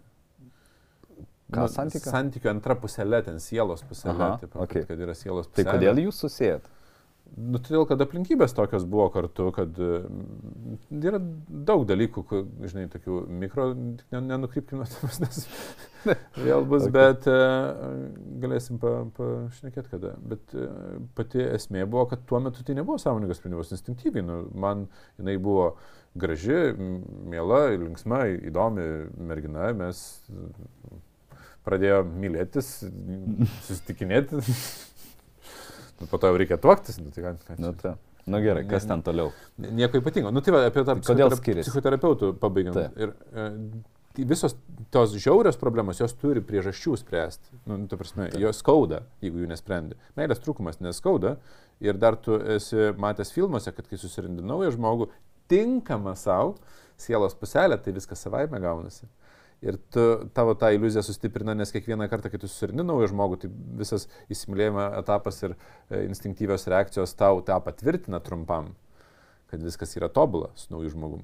Nu, aš čia bandau mąstyti, kad uh, kai nėra meilės, tai pas tave ateina skausmas vienatvės. Nie, nieks nenori būti instinktyviai vienas. Jo, bet nėra priežasčių būtent, būtent su juo, būtent, taip, taip. Nes tu nuo priklausomybės tu negali kitur pabėgti, nuo neištikimybės gali, bet e, nu, vis tiek yra pakankamai didelis e, traumas, skausmas, kurį reikia išspręsti. Taip, taip. O meilės trūkumas, nu, tai, nu, nu baigėsi. Nu, nu, baigėsi. Taip. Tai va, tai um, iš va, šitų, va, kurias aš išvardinau, nu, su kuriam dažniausiai ateina, gal kažkurias praleidau, bet uh, man atrodo, kad kai yra už įstatymo ribų uh, smurtas ir priklausomybės, kurios grėsia pavojim vaikams uh, antrai pusiai, ir tai aš manau, kad yra momentas, kur nereikėtų gelbėti.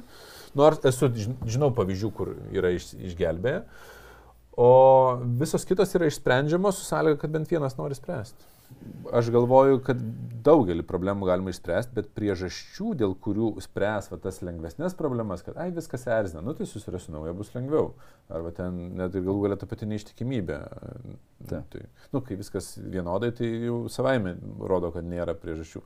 Tai, nu, tai tau klausimas, jeigu vienas poroje, va ateina vienas poroje, nori stengtis dėl santykių. O ver, kitas? O kitas ne. Verta uh, spręsti santykius ar ne? Nes šit, va šitas klausimas yra vienas dažniausių. Taip. Jeigu vienas nori spręsti. Dabar klausimas, ar yra emocinis ryšys ar ne. ne. Aš galiu vadinti X faktorius, ar jis yra visiškai apatiškas. Jis iš karto. Kitas žmogus. jis tai yra žmogus. A, tai ar kitas žmogus yra visiškai apatiškas, nes jeigu nėra jokio ryšio ir tam žmogui dzina, ar tu esi, ar nesi, ar pyksti, ar nepyksti, ar laimingas, tai tada nu be galo sudėtinga. Bet ir va čia šiuo atveju neveikia tas principas, kad keitiesi tu, kitas reaguoja. Bet jeigu yra kažkoks ryšys ir tada gali eksperimentuoti dėl E, kitokio prieimo, kitokio bendravimo, apie atsiverimo. Dažniausiai problema yra tai, kad e, jausmai yra išsakomi per tu kalbą ir kaltinimo kalbą, o ne aš Taip. atsiverimo.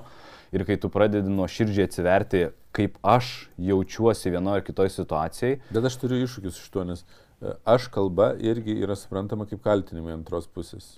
Nu, šiaip. Jo, tai tada dedi disclaimerį kiekvieno sakinio gale. Žinai, aš tik nenoriu tau nieko pasakyti ir taip ir yra. Nu, kai, Nes kitas... kai, kai jau yra emociškai jautru, tai ar, ar tu su tu sakai, ar su aš jau ten priimu. Taip, taip. Mhm. Tai va, tai aš manau, kad įmanoma, tik tai arba yra ryšys ir kitu atveju mes esam daug kartų darę e, ilgas sesijas, aš tau pasakau, kad mhm. virš 4 valandų, kai kurios yra 12 valandų trukė aš daviau e, porą užduotį įsiaiškinti patiem. Keturias valandas aiškinasi įvairiausius rakursus, keičia niekaip, nu, niekur nepajudėjo iš situacijos. Po keturių valandų klausiu, kas, kaip jaučiatės ir kas įspręsta. Toj pačioj stadijai. Sakau, tai reiškia, kad jūs einat per logiką, per, per jausmus, per sprendimą. Ir mes tada darėm būsenų keitimą ir va tada viskas pajudėjo. Tada, kada tu eini į rezonansą, pakeiti uh, būsina iš pykčio į komandiškumą, tu priimi kitą, gražų žodžiai ir taip toliau, ir tada natūraliai ateina sprendimai. Tai kai kuriais atvejais savarankiškai tą padaryti yra be galo sudėtinga, kada tu esi kovos būsenai namie. Bet aš turiu e, paprieštarauti tau, nes no. E, paprieštarauti e, vienu kampu. Nes jeigu tu su pagalba privedi žmonės prie kitos būsenos, tai reiškia kito samoningumo ir jie toj būsenoj, to, tam samoningume sugeba išsispręsti nu, kažkokį klausimą arba pajudėti. E, bet toliau tai jiems reikės patiems važiuoti. Tai. Ir, e, žinai, čia kaip kuo ilgiau laikysi e, vaiką vaikščiojantį, tuo po to iš aukščiau turės krist, mokydamasis vaikščioti. Nu. Nebūtinai, nu, vat, atsimeni, tu kažkada klausėjau, kada galim duoti patarimus, o kada ne. Nu. Tai yra du aspektai, pagal ką gali vertinti, tai reiškia žinios ir patirtis. Jeigu neturi nei žinių, nei patirties, tu jį coaching kiek tu nori, nu jisai ne, nebus, jis mokinys yra. Tai tu jam duodi užduotį ir liepi padaryti. O paskui jisai jau gali implementuoti arba ne. Aš žinai, kad tokiais atvejais ke- keliu klausimą, nes aš turiu labai mm, savitą prieimą prie to, kai ateina žmogus, sako, aš noriu, bet iš vis kreipiasi dažniausiai į- mane, jeigu ten, va, tokiam Facebook'e ar dar kažkur, žinai, Instagram'e, tai rašo arba mane palieka, ką daryti, kad išsaugočiau. Tai yra ir prašo manipulacijos, mhm. technikos kažkokios, nu nesąmoningai žmogus dar nežino. Arba aš nebegaliu, skiriuosi ir prašo vėlgi nesąmoningai pati- pateisinimo, kad aš teisingai darau. Pasakyk man, kad aš teisingai darau. E, Ir nei, nei to, nei to aš nei, nei noriu duoti, nei, nei galiu, žinai. Tai man pirmas klausimas, kai ateina, sako, aš noriu, vat, sakau, noriu išgelbėti, nu, iš, to, tos santykius išgelbėti ar, ar, žinai, pakelti. Sako, noriu, sakau, ar turi pakankamai priežasčių, nes stengtis reikės daug. Ir tada sako, jo turiu. Ir tada žiūriu, kokios tos priežastys ir ar, jos orientuotos yra, ar jos tvarios yra, ar jos yra orientuotos tik tai, e, kad neskaudėtų dabar, žinai. Nu, nes iš principo dažnai žmonės tiesiog dabartinį skausmą bando išspręsti. Jeigu ten, ta, nu, viena iš tvarių priežasčių, saliginai tvarių priežasčių yra netgi vaikai elementariai. Nu, nes tai yra toks. Taip. Ir sakau, žiūrėk, nu gerai, jeigu nori, tai tada santykius e, gelbėti tu turi ne santykis su e, ten Jono Antanu, Petru Arnu ar, ar Vytautu, žinai, o santykius tu turi gelbėti per savo gebėjimą kurti santykių, ryšį, pažinti save ir visus kitus dalykus. Nes jeigu tau bedirbant su savim, paaiškės, kad antra pusė, kaip tu, tu pavyzdžiui, sakai, ar šita ten yra ryšys ar nėra, dėl to gelbėt ar negelbėt.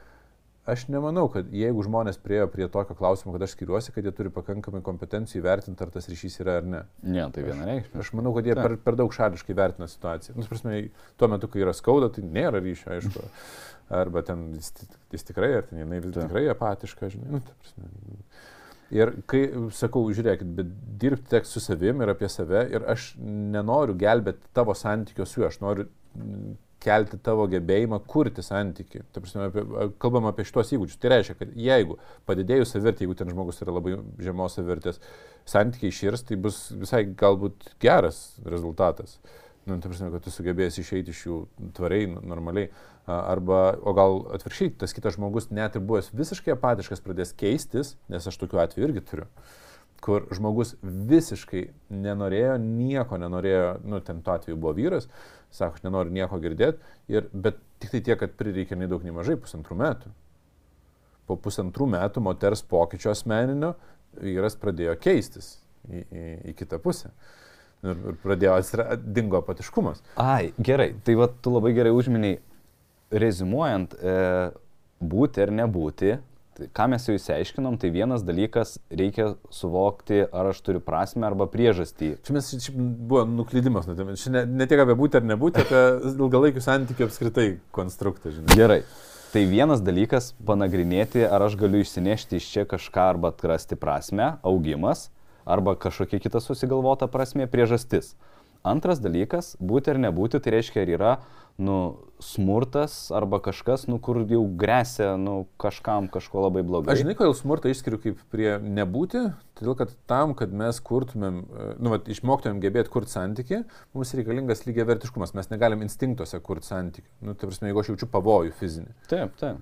Ir iš fizinio pavojaus, ypač, nu, Ir tarp- ne, neslėpkim, klasikinė situacija, moteri, moteris patiria smurtą, ten būna dažnesnė nei kad vyras, nors yra ir tų, kad vyras patiria. Bet tai rezultate jinai tiesiog iš tų instinktų negali išlipti. Nu, ten ne- neina kalbos apie bandymą kurti santykių, nes tiesiog jo... Paradoksas, kad finansų trūkumas lygiai taip pačiai gražina instinktus ir žiauriai sudėtinga kurti, žinai. Taip, taip. Ir net jeigu finansų pakanka, bet vienas galvoja, kad nepakanka, tai, nu žodžiu, be, be gal sudėtinga. Gerai, tai antras yra, sakykime, smurtas, kur yra grėsmė ir būti instinktuose ir, žodžiu, nėra lygiai vertiškumo. Taip. Ir trečias dalykas, ką tu dabar paminėjai, bet man nušoko mintis. E, Prasmė, smurtas ir... Ai, laikotarpis. Man labai patiko, kad iš pat pradžių a, Tonis, kada sakė, kad jeigu eini, tai duok kiek ten 90 dienų. 90 dienų, jo. Jo, šitą. Ir man kažkada atsimenu, tu sakai, o aš savo daviau ne 90 dienų. Dviejus metus. Jo, dviejus metus.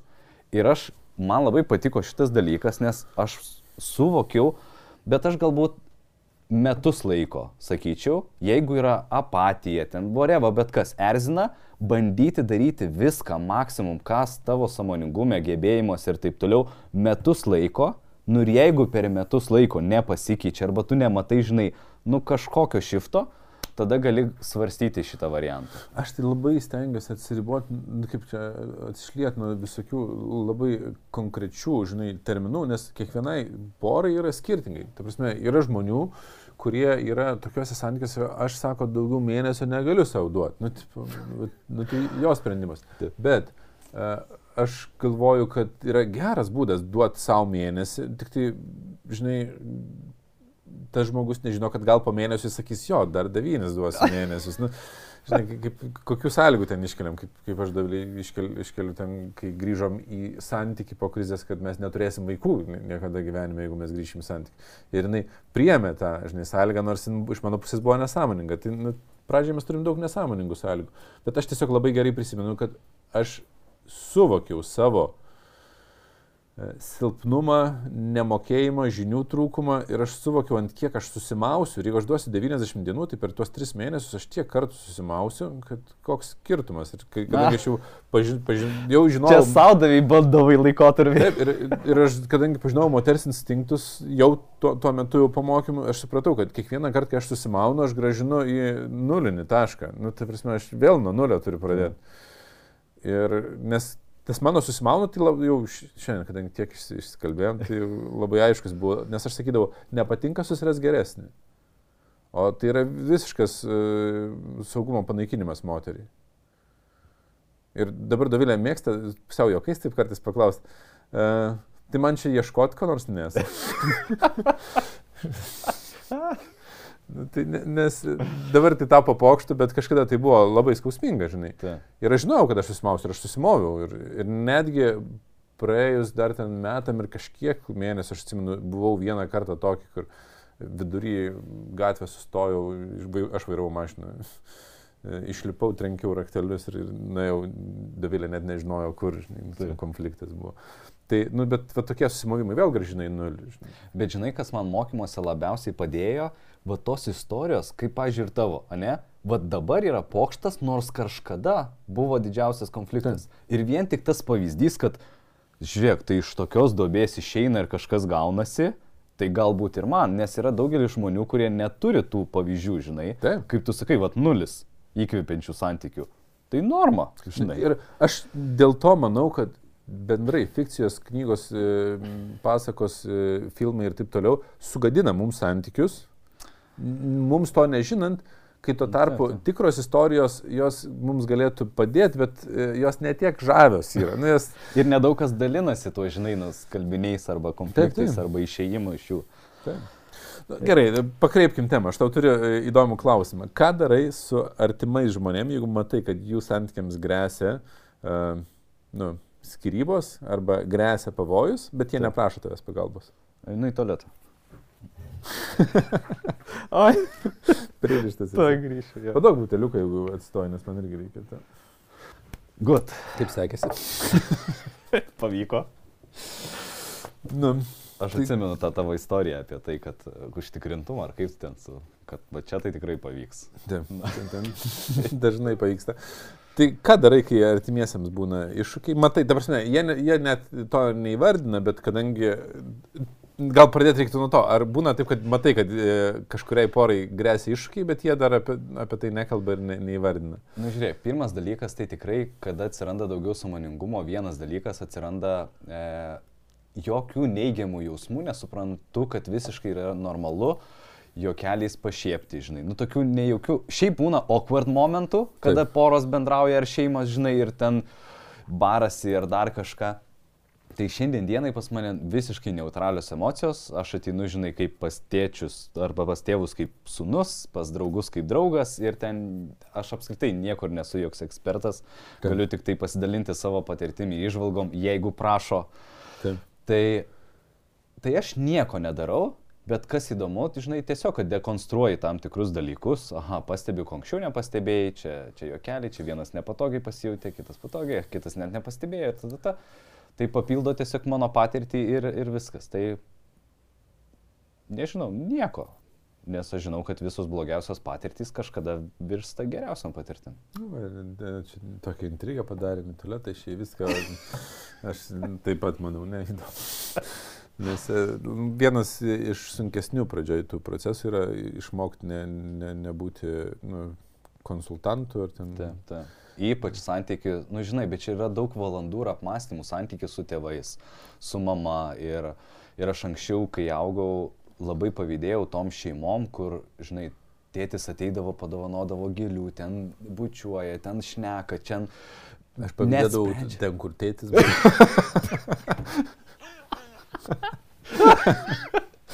tu gerai, kad turi, žinai, bet kokį tėtį.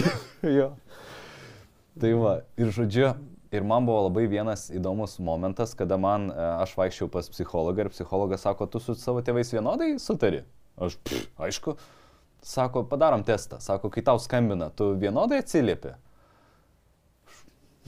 ne. Sakau, kai mama skambina, o, labas, nu ką, ta, ta, ta, ta, kai tėtis, ar aš čia turiu laiko pašnekėti ar ne, žinai, gal perskambinsiu. Ir sako, aha, aha, įdomu. Ir aš, man irgi įdomu, žinai. Ir čia tie vat momentai žavus, kur iš lygioj vietoje aptinka kažkas ir tada buvo labai daug valandų pokalbio apie tai, žinai, ar aš turiu užslėpęs kažką ar ne. Tai turi? Jo. Turėsi?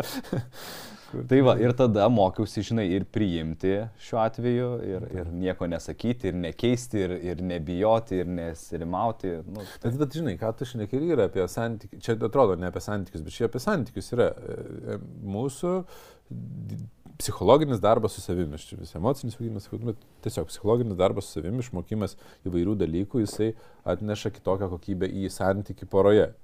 Nes kažkas man sakė, sako, Doviliai tai pasisekė, jinai apie santykius viską gali pasakyti. Nieko, aš iš vis nieko negaliu pasakyti Doviliai. Ir čia yra... Užuojauta. Seniuk, užuojauta. Taip, taip, nes čia ir, ir gaunasi toks procesas, kur jin gali nebent ieškoti kažkur.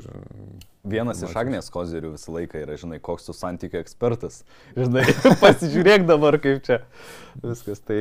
Bet čia, čia ne kozeris. Man atrodo, kad labai santykių ekspertai arba žmonės, kurie padaro uh, apie santykius mokymus kažkokius arba, žinai, kažkokį turinį, kuriuose piešia tobulus santykius, jie pasidaro meškos paslaugą ir savo, nes savo užsikelia standartus, kad tobuluose santykiuose vyksta tik geros emocijos.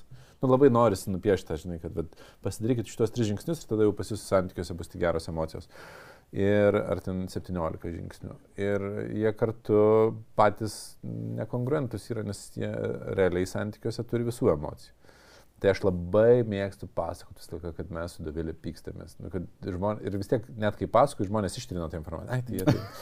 Jų, taip, taip. Jų, Kitokį barnį. Jų tie pykščiai, tai tenais jie ten dėl žolės terasai pasipyksta ir viskas.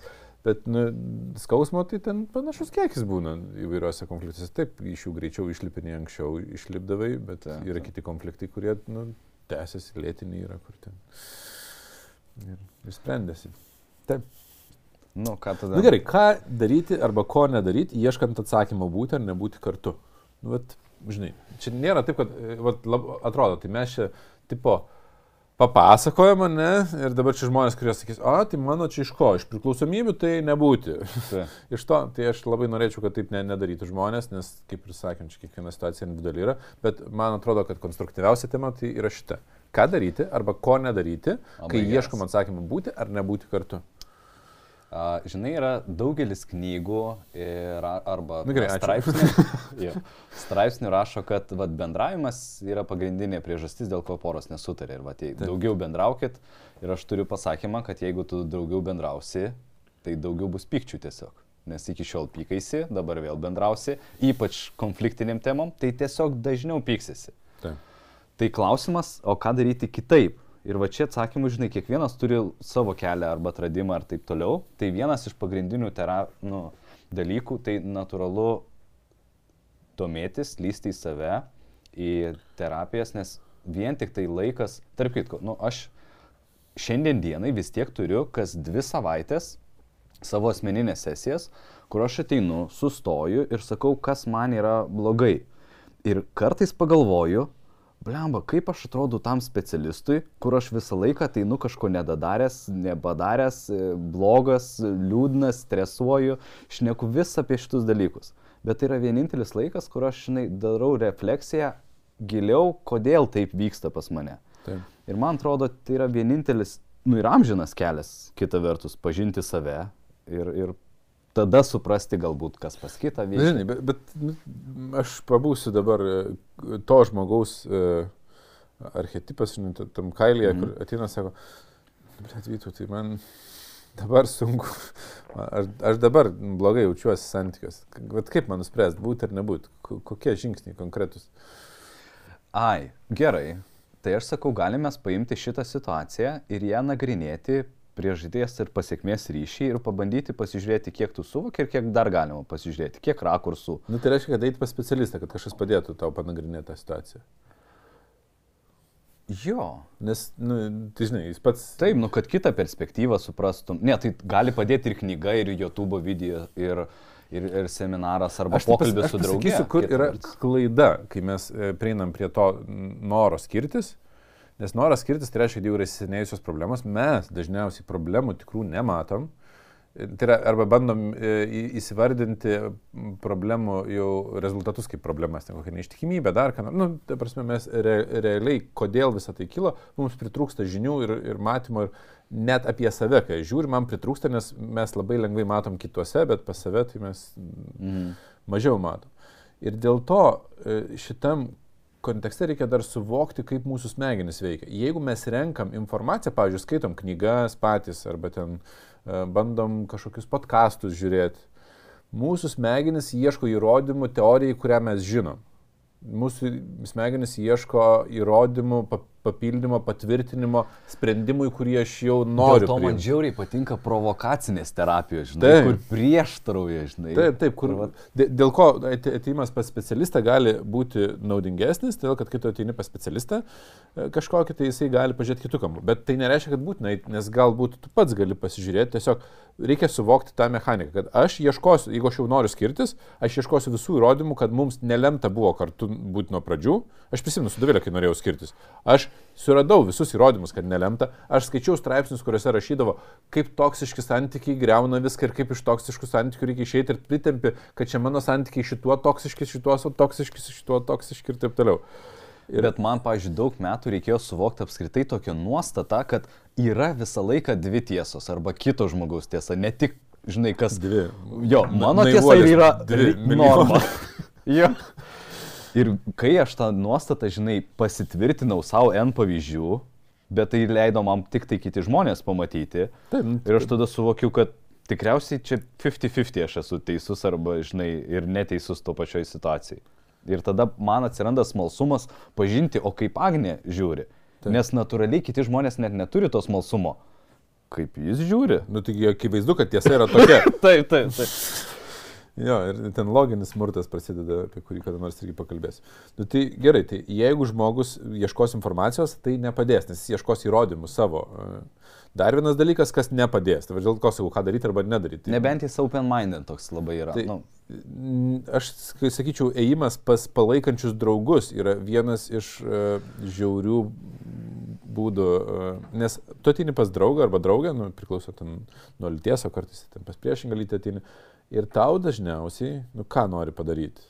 Palaikyti. Palaikyti. Nori. Bet būna dviejopai, nu žinai, ten sako, va tikras draugas tai tas, kuris nebijo pasakyti tau tai, tiesos. Žinai. Tai aš, bet ne, žinai, aš labai aišku kriterijų e, turiu. Tai jeigu jau eini pas draugą arba draugę dėl santykių, tai būk įsitikinęs, kad jisai, jinai turi ilgalaikius santykius, kurių tu sieki.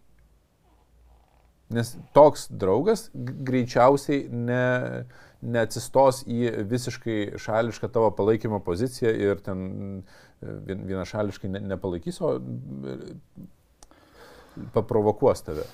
Nu, nu gerai, mano istorijai. Aš nu. atsimenu, kai ketvirtą kartą išsiskyriau, ateinu, žinai, pas uh, savo bičiulį ir mes ten jis buvo mano, žinai, ir mentoris, ir, ir, ir coacheris, Taip. ir draugas, ir vis daug asmenybių viename. Ir aš kažkada šneku ir jis sako, žinai, ne šiaip savo čia nesutapo mūsų bio laukai, aš tiesiog galvojau, kad, žinai, vat, nu, jinai tau ne, netinka. nesvarbu, kiek yra tiesos. Ir aš sakau, kodėl tik dabar tu man kažką tokio sakai, nes kai prieš tai tris kartus skyriaus ir mes šnekėjom, tu visą laiką buvai toks, žinai, nu, neutralus, Taip. nieko. Ir jisai sako, žinai, sako, ai, nes visą laiką aš paskui susitaikydavau ir grįždavau į santyki. Tai spėk, kas bus su tuo draugu, žinai, kuris Taip. pasakys priešingai. Sako, viskas, tu mane eliminuosi. Tai sako, ką aš galėjau tiesiog padaryti, tiesiog sugerti tavo informaciją, nieko nesakyti nu, iš savęs. Taip. Ir aš pagalvojau, va, kaip išmintinga, nes aš iš tikrųjų ateidavau tiesiog nurimti, pasišnekėti ir mano dar aišku tas ekstravertiškumas, kad aš bešnekėdamas, nu, pats suvokiu, kokią kartais nesąmonę padariau, žinai, ir, ir tada sakydavau, nu jo, čia tikrai aš prisifeilinau ir grįždavau ir taikydavausi. Tai va. bet, bet jis turėjo santykius, kurie, kurie būtų tavo įkvėpimas. Mhm. Nu, Tai čia, žinai, aš nesakau, kad visai šimtų procentų sveiks, bet yra bent jau tikimybė, kad tas žmogus bus E, Arba paprašyti, kad nebūtų sugar coatingas, žinai. Tu toks nu, relationship, relationship conscious, žinai, žmogus. Nu, taip, nu, taip, taip. Santykiams sąmoningas žmogus. Nu, tarsi, jis matys e, priežasis pasiekmes, kas vyksta. Ir ne tik tai bukai, kad, a, jo, jo, jinai tenais, ar ten jisai, tai ten toks ar anoks. Nu, ta prasme, kad, kad nebūtų to, to tokio. Tikėtina, kad ženklas galėtų įrodyti, ar jisai yra toks, e, žinai, pas kurį galima, kuris nepalaiko nei abiejų pusių, žinai, ir bando tau balansą tokį atvest, kad žinai. Taip, taip. E, šiaip, tarp kitko, va, jeigu ieškot informacijos tam kontekste, tai aš tada ieškočiau arba e, bandyti ieškoti ir priešingos informacijos mano jau mintys priimtam sprendimui. Nu, ten, mhm. Jeigu noriu skirtis, tai paieškoti, o kokios priežastys lemia, kad, kad žinai, e, būti kartu. Arba jeigu vat, ateini su kažkuo kalbėtis, kad jis bent jau į pusiausvyrą žiūrėtų, kad ne, tikrai viena pusė kalta, kita nekalta, o kad matytų abiejų pusę atsakomybę. Mhm Čia išskyrus tos atvejus, kada vėl yra smurtas arba dar kažkas, nes nu, ten, kai kuriais atvejais e, laukti pusiausvėros, kai grėsia pavojus, nu, nėra, žinai. Nu, tarp kitko, ir karas vykstantis dabar yra labai geras pavyzdys, nes kai vyksta politiniai ten nesutarimai, tai ten gali diskutuoti ir ten sakyti, nu, nėra vienos pusės, vieni turi savų interesų, kiti turi savų interesų, bet kai viena pusė žudo, nu, ten nebėra jau viena pusė turi savų interesų, kita savų, nu, tai prasme, turėtų tos interesus, bet nelys į šalį, žinai. Nu, tai, tai va čia, žinai, tai ir santykiuose ta pati analogija galioja, kad tam tikrais atvejais jau tada atsiranda palaikymas silpnesnės pusės, nes jinai akivaizdžiai pati iš savęs negali savęs lygiai vertės laikyti, nu, nes jis skriaudžiama. Grįžt prie klausimo. Tai e, ko, ką? ką daryti ir ko nedaryti, ieškant atsakymą būti ar nebūti kartu. Tai aš galvoju, kad ieškoti e, informacijos, kuri būtų pusiausvyroje, nu, tai yra ne, neša, nešališka tokia, tai yra draugai ir, ir net jeigu ir knygos, tai dar kažkas turėtų būti ne, būtent pagrindžiantis mano ir pabandyti pagauti save, kad aš bandau pagrysti. Nueit pas kažkokį ten terapeutą ar dar kažkur irgi labai, nu, turbūt ir, ir geresnis variantas yra. Ir pagrindinis dalykas tai yra ilgalaikis. Jeigu aš turiu priežasčių, mano galva, uh, Nes jeigu aš neturiu priežasčių, jeigu aš esu pasiryžęs daryti tą patį, ką dariau iki šiol, tai turbūt tada iš karto nėra prasmės tęsti santykių, nes tikrai bus tas pats, kas buvo iki tol, nieko nepasakyti. Bet jeigu aš turiu priežasčių, tai labai pasistengti, susitaikyti, nu, čia ne, ne, neturiu galimybių gal visų metodikų padaryti, bet pasistengti susitaikyti su tuo, kad tai nebus fantastinis variantas, kad nieks taip negali pasikeisti, kad mm, pasiklausyti istorijų, nu, vat, galų galę, mes kalbame, dar kažkas kalba apie tai, kaip, kaip pokyčiai vyksta, kai jeigu iš dobės šlipinėjai ir turėjai 30 nelaimingų dienų mėnesį, tai po to jų liks 29, po to tik 28, po to tik 27. Beje, vat, o vienas iš mano klausimų, o ko reikia, kad pokytis įvyktų? Kaip tu manai, kas yra tie elementai? E, nu, keli elementai yra. Vienas yra žinių elementas, mes tiesiog fiziškai nesuprantame apie žmonių instinktus ir bandom pakeisti e, situacijas ir konfliktus, kurie yra instinktyvus, kurių nėra prasmės keisti, nes jie tiesiog egzistuoja. Ir kažkaip keistai poros ypač stengiasi pakeisti antrą pusę ten, kur yra instinktai, nors ten yra tiesiog, čia tas pats kaip sakyti, kad saulė nepatekėtų šitą. Noriu, kad netekėtų šitą, nu, tai norėtų, nenorės. Na nu, gerai, pavyzdį gali duoti. Nu, noriu, nu, ten iš moters ir vyro pusės paimkim, kad nebūtų seksistų. Mhm. Ten noriu, kad moteris būtų mažiau emocinga ir e, priminėtų sprendimus logiškus ir jų laikytųsi, bet kartu noriu, kad būtų šilta ir, ir emociškai apgaubinti mane ir ten palaikanti ir taip toliau. Nu, sorry, nu, tai, žinai, ta prasme, čia yra ta, ta pati savybė ir inst- instinktyvi ir, ir, ir nieko nepasikeis, mes tą fantaziją turim išsioperuoti. Arba noriu, kad ten vyras generuotų pajamas, užtikrintų man saugumą, užtikrintų uh, dar kažką gyvenime, bet nenoriu, kad jis būtų piktas, kai aš jam paskambinu vidury darbo dienos. Uh, sorry, ta prasme, jeigu tu jį pagausi vidury įsitraukimo, jisai bus. Ir šitas situacijas galima apversti, jos labiau klasikinės buvo ta pusė, kurią pasako, bet gali būti ir priešingai, kad, e, nes nereikėtų žiūrėti vieną pusę, žinai, tas instinktai Okay. ir to, ir to žmogaus gali būti. Gerai, tai žinios, suvokimas. Tai jeigu mes turim žinių apie instinktus, tai mes jau dalį pakeičiam. Antras dalykas - savęs ir savo antros pusės pažinimas. Nu, pirmiausia, tai savęs pažinimas ir savo emocinio bagažo. Nes jeigu mes nepažįstam savo emocinio bagažo, tai mes nežinom, kas iššauks instinktyvės reakcijas ir mes negalim tam užkirsti kelio. Tai tas savęs pažinimas yra... Nu, Bet čia tos pačios gal žinios gal lėšia. Bet čia, ne, bet čia ne, ne tiek, nu, be žinių šita dalis neįmanoma apskritai. Taip. Nes aš nežinau, kas vyksta po to, bet nu, ten, kai aš pažįstu save, pavyzdžiui, aš augau be tėvo ir mes auginam vaikus dabar su Davilė. Ir aš turiu labai aišku, aiškę emocinę traumą, pats jaučiu, e, kuri dar nėra iš, išvalyta iki Nu, nu, galo, e, kad kai mes mokom kažką, kai vaikai, vaikai kažką naujo išbando, aš noriu būti šalia, nes šalia manęs nebuvo tėvo, kai aš mokiausi dviračiu važiuoti, dar ten kažką Mhm. dariau.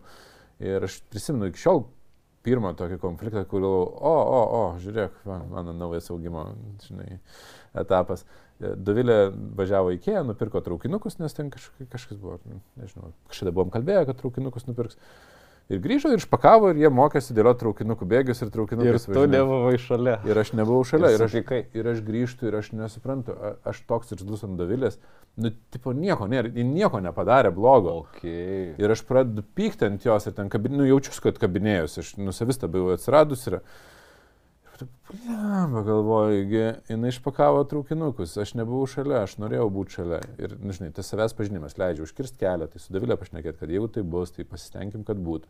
Iš kitos pusės, jeigu aš jau pastebiu, kad taip įvyko arba taip įvyks, pasirašiu save, kad, nu, gerai, tai aš nu, su jais tada nueisiu kažką naujo išbandyti, nu, ta prasme, kad kompensuosiu tą, nu, nes nu, tos emocinės žaizdos jos kartais labai gilios būna. Ir, Mm.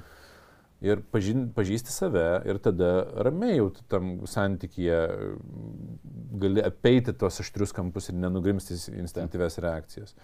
Tai, tai čia va tas savęs pažinimas, kuris Okay. yra Žinios, savęs pažinimas. Taip. Kas dar? Nu ir po to jau prasideda ta filosofinė dalis. e, Arba meilės apibrėžimo keitimas, Prasme, prasmės. pokyčio prasme. Nu, Ja, pra, pra, pras, prasminis pokytis. Aš tai galvoju, kad e, vienas dalykas tai yra emociniai šuoliai arba krizės vadinamos. Kuo didesnė emocinė įkrova, tuo didesnis e, šuolis gali būti, pokytis. Ir čia vienas pavyzdžių ir, ir Lietuvoje nutiko, žinai, kada yra vairavimas e, išgėrus arba yra įvyksta Taip. avarija. Ir vienas žmogus, kuris iki tol daug domėjosi, skaitė ir panašiai apie alkoholio ten poveikį, apie dar kažką, apie, žinai, žalą e, avarijų, jisai priėmė tuo metu sprendimą, niekada ne, nevairuosiu išgėręs, niekada būsiu atsargesnis ir panašiai, jo samoningumas pakilo, nu ir jis ten kitam lygiai gyvena. O kitas toj pačioj situacijai kaltins visus kitus, tik tai ne save. Taip. Ir va čia daugeliu žmonių kartais yra, žinai, ir, sa, ir man buvo klausimas, tai žiūrėk, aš einu į mokymus, skaitau, žinau, analizuoju, darau, bet nėra pokyčio. Bet yra visą laiką toks momentas, tai va, kodėl tose penkiose knygose kartojasi tas pats ir tas pats dalykas, žinai. Taip. Bet jeigu nėra to kaupimo informacijos, feed your brain, kaip e, Tonis vadina, nu neįvyksta tas šuolis. Nu viskas, žinių trūkumas, perspektyvos trūkumas, suvokimas. Tai man atrodo, nereikia bijoti tų emocinių šuolių, nes jie gali labai daug nu, gerų dalykų atnešti. Įkrovos tokios. Nu jo, žinai, emociniai šuoliai, apskritai emocijos nėra nei geros, nei blogos, jos mm, tiesiog turi savo pasiekmes, bet čia vėl filosofiją galima. Nes padaryti pokytį, žinai, va taip aš nekant, va, va, aha, nu pasišnekam, padarom, jis, nu gali. būt. Žinai, aš paimsiu tokį provokuojantį, na gerai, pirmas podkastas, galim paprovokuoti. E, Pavyzdį, e, neištikimybė. Neištikimybė kartais būna super naudinga poros intimiam gyvenimui. Ir jinai atrodo, kaip taip gali būti. Nu, tipo, taigi čia išdavė mane, taigi čia, nu, aš nekalbu apie lygas, kažką atsinešta, bet. e, Ir aš kažkada per vienus mokymus pasakiau ir e, žmogus, e, ne, negirdėjęs konteksto, paklausė ir sako, jis propaguoja neištikimybę. tai jeigu kas be konteksto klausysit, tai mm, pasimkite kontekstą, nes kontekstas yra toks, kad kai mes kažką mm, gyvenime kuriam, nu, mokomės, tai mes dažnai turim galimybę pamatyti, kad mes klystam. Pavyzdžiui, mokausi groti pianinu, aš sakau, man čia taip neišeina. Ateina mokytoja, o jie išeina. Aš sakau, šitas pianinas jis čia netikras, jis taip negroja. Jei groja. Na, arba ten mokaisi driftą, sakai, čia taip nesigauna. Sėda, nu, gaunasi. Nu, supranti, kad, nu, ne... Ne mašina kalta, ne pianinas kaltas, ten aš kaltas, žinai, esu, žinai, nu, aš atsakingas už tai, kad ne, nepavyksta. O poroj, nu ten, mums nesigauna, ten pas mus nėra aistros. Ir tu negali sakyti, nu, im pabandyk mano žmoną ar ten mano vyrą, pasižiūrėk, ar jums gaunasi ar nesigauna. Taip. Nes, bet e, neištikimybė yra toks natūralus procesas, kada buvo pabandyta ki, ki, nu, ki, kitoj, kitam kontekste. Ir gavosi, žinai, nu, tai prasme, kažkam pavyko tą aistrą sukurti ir gaunasi, kad tai fakt, tai aš, nu, su manim irgi kažkas yra, reiškia, nu, kažkur ir mano atsakomybės yra. Jeigu žmogus pakankamai savikritiškas ir, ir, ir priima tai kaip pamokas, tai e, dažnai net nesuokiant pačiai pradžiai fiziologiškai, čia yra nu, vienas iš efektų, kuris pastebimas. Kartais po neištikimybės iš vis negali pora sueiti vėl intimų santykių, dėl to sakau tik kartais, ne visada čia yra. Mhm. Bet kartais po neištikimybės pastebimas yra e, aistros spaikas, toksai aistra į viršų šauna labai stipriai ir seksualinis gyvenimas labai pagerėja, emociškai labai daug skausmo būna, labai daug kančios, bet e, pats, žinai, procesas e, patampa. Man įdomu, kada šitą temą nagrinėjau, tai buvo tas, kad šita tema turi labai gilų a, ryšį su fiziologiniu skausmu. Dėl to jie išgyventi yra labai sudėtinga. Jaučiamas skausmas, nu, viduj tiesiog Fiziškai toks skausmas, jo. jo. Ir, nu, ir be galo sunkus atminimai. Bet visą, aš be, nesu galbūt sugalvojęs arba girdėjęs atvejo, kada neištikimybė būtų nepasiekmė, o priežastis. Nu, tarsi, dažniausiai tai yra nu, Nu, pasiekmė kažko. Ir man, kai aš nagrinėjau šitą Nu, temą, aš, aš gal priimčiau, yra viena tokia, žinai, kaip čia situacija, kurios aš nežinau, aš nesu turėjęs realių pavyzdžių, dėl to ne, nes, ir nesu jų išsprendęs, realiai ir nesu matęs jų išspręstų, tai nežinau. Tai yra ta chroniška neištikimybė, nu, tai yra kur tiesiog nori įvairovės, kur yra nuolati, nu, ta prasme, kai žmogus ateina į santykių jau meluodamas, kad jisai negali, turi ten priklausomybę nuo sekso kartais vadinam, ar ten, bet aš tiesiog neturiu nei pakankamai kompetencijų net susisteminti tos informacijos, Taip. bet kai tiesiog visą santykio laikotarpį antra pusė buvo neištikima arba neištikimas. mm. Nu, ir, ir, ir tipo, ar čia išsispręs, ar čia buvo pasiekmė, nu, gal čia jau buvo, žinai, tiesiog santykiai sukurti be pagrindo, nu, pagrindas buvo melas. Tai va, pa, tai kai aš nagrinėjau šitą temą, man keiščiausia buvo, žinai, kad vat, kiek yra daug informacijos, kodėl taip nutiko ir ką padaryti, kad ateityje sumažinti šitą riziką, nes tu išvengti visiškai negali. Taip. Ir kai viena atsimenu mergina klausė, sako, tai va, mano vyras buvo neištikimas, tai čia būt ar nebūt. Nu, sakau, paimkim loginį tokią Aišku, situaciją. Nu, aišku. Gerai. Tai dabar įsivaizduok, sakau, tu būni su juo. Sakau, kokia tikimybė, kad ateityje jisai bus neištikimas arba ištikimas. Ne, nu tai buvo kartą, tai bus ir antrą. Tai sakau, bet gal nebus. Nu, gal jis pasimokė. Nu, tokia 50-50. Gerai, sakau, sakykim, tu nebūni su juo, nueini pas kitą vyrą. Kokia tikimybė, kad kitas vyras bus neištikimas ateityje? Ne, nu tie svoločiai, nu 50-50. Sakau, supranti, kad jie visiškai identiški šitie scenarijai. Sakau, tu turi suprasti, ką tu, kokia tavo atsakomybė privedė ir nebūtinai tu kažką blogai darėjai, bet galbūt nepamatei signalų, galbūt dar kažką, kad sukurti tuos nutvaresnius santykius. Tai, tai va, ir aš visą laiką sakau, leiskime į šitą procesą ne dėl to, kad atsakyti būti ar nebūti, bet dėl to, kad suprasti, žinai, va tą, kas priveda prie to, kad ateityje Nebūtų, nes... Nu, Bet man ir dėl to klausimas būti ar nebūti atrodo iš tiesų... Nu, netikslingas. Jo, jis nu, netikslingas, jisai keliamas yra žmonių nu, ir, ir aš jį kėliau ir jis instinktyvus yra, bet e, šiaip žiūrint, pagrindinis mano klausimas atrodo yra, ar dirbti su savim, kad būtų... Bet paradoksas, nesvarbu, ką tu nuspręsi būti ar nebūti, tai vis tiek nereikš, ar būsi ar nebūsi, Taip. kitas nuspręs, žinai, Tai kitaip. ir yra kiti apl- aplinkiniai dar kriterijai, bet jeigu tu nuspręsi dirbti su savim iš, ir mokytis kurti santyki, ten, nu, žiūrėti tokius podkastus, ar ten, tai, e, ne, bet iš tikrųjų, skaityti knygas, domėtis savim, pažinti save, tai net jeigu nebūsi, tai kiti santykiai tavo bus kokybiškesni, o jeigu būsi, tai šitie bus kokybiškesni. Tai man atrodo toks, nu, okei, okay, bet čia su sąlyga, kad žmogaus vertybėse yra santykiai, nes yra žmonių, kurių vertybėse santykiai yra, nu, tiek paskutiniai vietoj, kad tas klausimas, ar čia dirbti su savim dėl santykių, jiems atrodo, o gal neverta. Ir žinai, kas aš toks, kad eišiu, kad nu, jiems, šia, jiems verta. Man tai verta, nes man yra... Tai santykiai darbas ar nedarbas? santykiai nedarbas. Gerai, čia atsakėjai. Nes čia darboholikų išmislas padirbau darbe, grįžtu padirbsiu santykiuose. Žinai, aš kitą te, frazę esu sugalvojęs ir net e, jaučiu, kad e, gal ir yra daugiau Gal- autorių, bet aš jaučiu, kad čia aš autorius būsiu. Tos frazės. Na, žinai, kur būna, nėra tiek e, sudėtinga, kad jos kažkas kitas nesugalvotų, bet kad, e, sako, labai sunku dirbti su santykiais. Nu, jeigu norim gerų santykių, reikia sunkiai dirbti su santykiais. Ne, sunkiai dirbti reikia su savimi ir nepaisant to santykiai yra ar ne, o santykiai jau yra savaime nepasiekmė, jeigu mes dirbam su, su savimi. Nu, gražiai čia pasakėjai. Tai, bet, sakau, jaučiu, kad čia autorius. Žinai, nes labai daug frazių yra ir tu, tipo, O citatų, beje, kur- ar tu nori, kad žmonės į elektroninį paštą mums siūstų kažkokias situacijas ar klausimus ir mes čia galėtum nagrinėti? Noriu, bet mes net pašto nesukūrė dar esame. Ar esame? Nu, parašysim, tai jau kai montuos, tai parašysim tą. A, gerai, paštą. parašysim. Jo, Jo. jo. Tai tie, kas turit kažkokias e, tipinės ar netip, netipinės situacijas, rašykite į elektroninį paštą ir mes pabandysim tas situacijas panagrinėti. Ir tarp kitko, ar nebus taip, kad mes turėsim per mažai konteksto ir galbūt Aš padaryti norėjau, reiktų... papi, aš norėjau papildyti, kad rašykit labai išsamei situacijas, jeigu jau norite. Bet aš galvoju, gal dar geriau galim padaryti, kad įdėti Google formą, kur būtų standartiniai kažkokie klausimai, kur aprašytų nu, kažkokius dalykus, nemanai?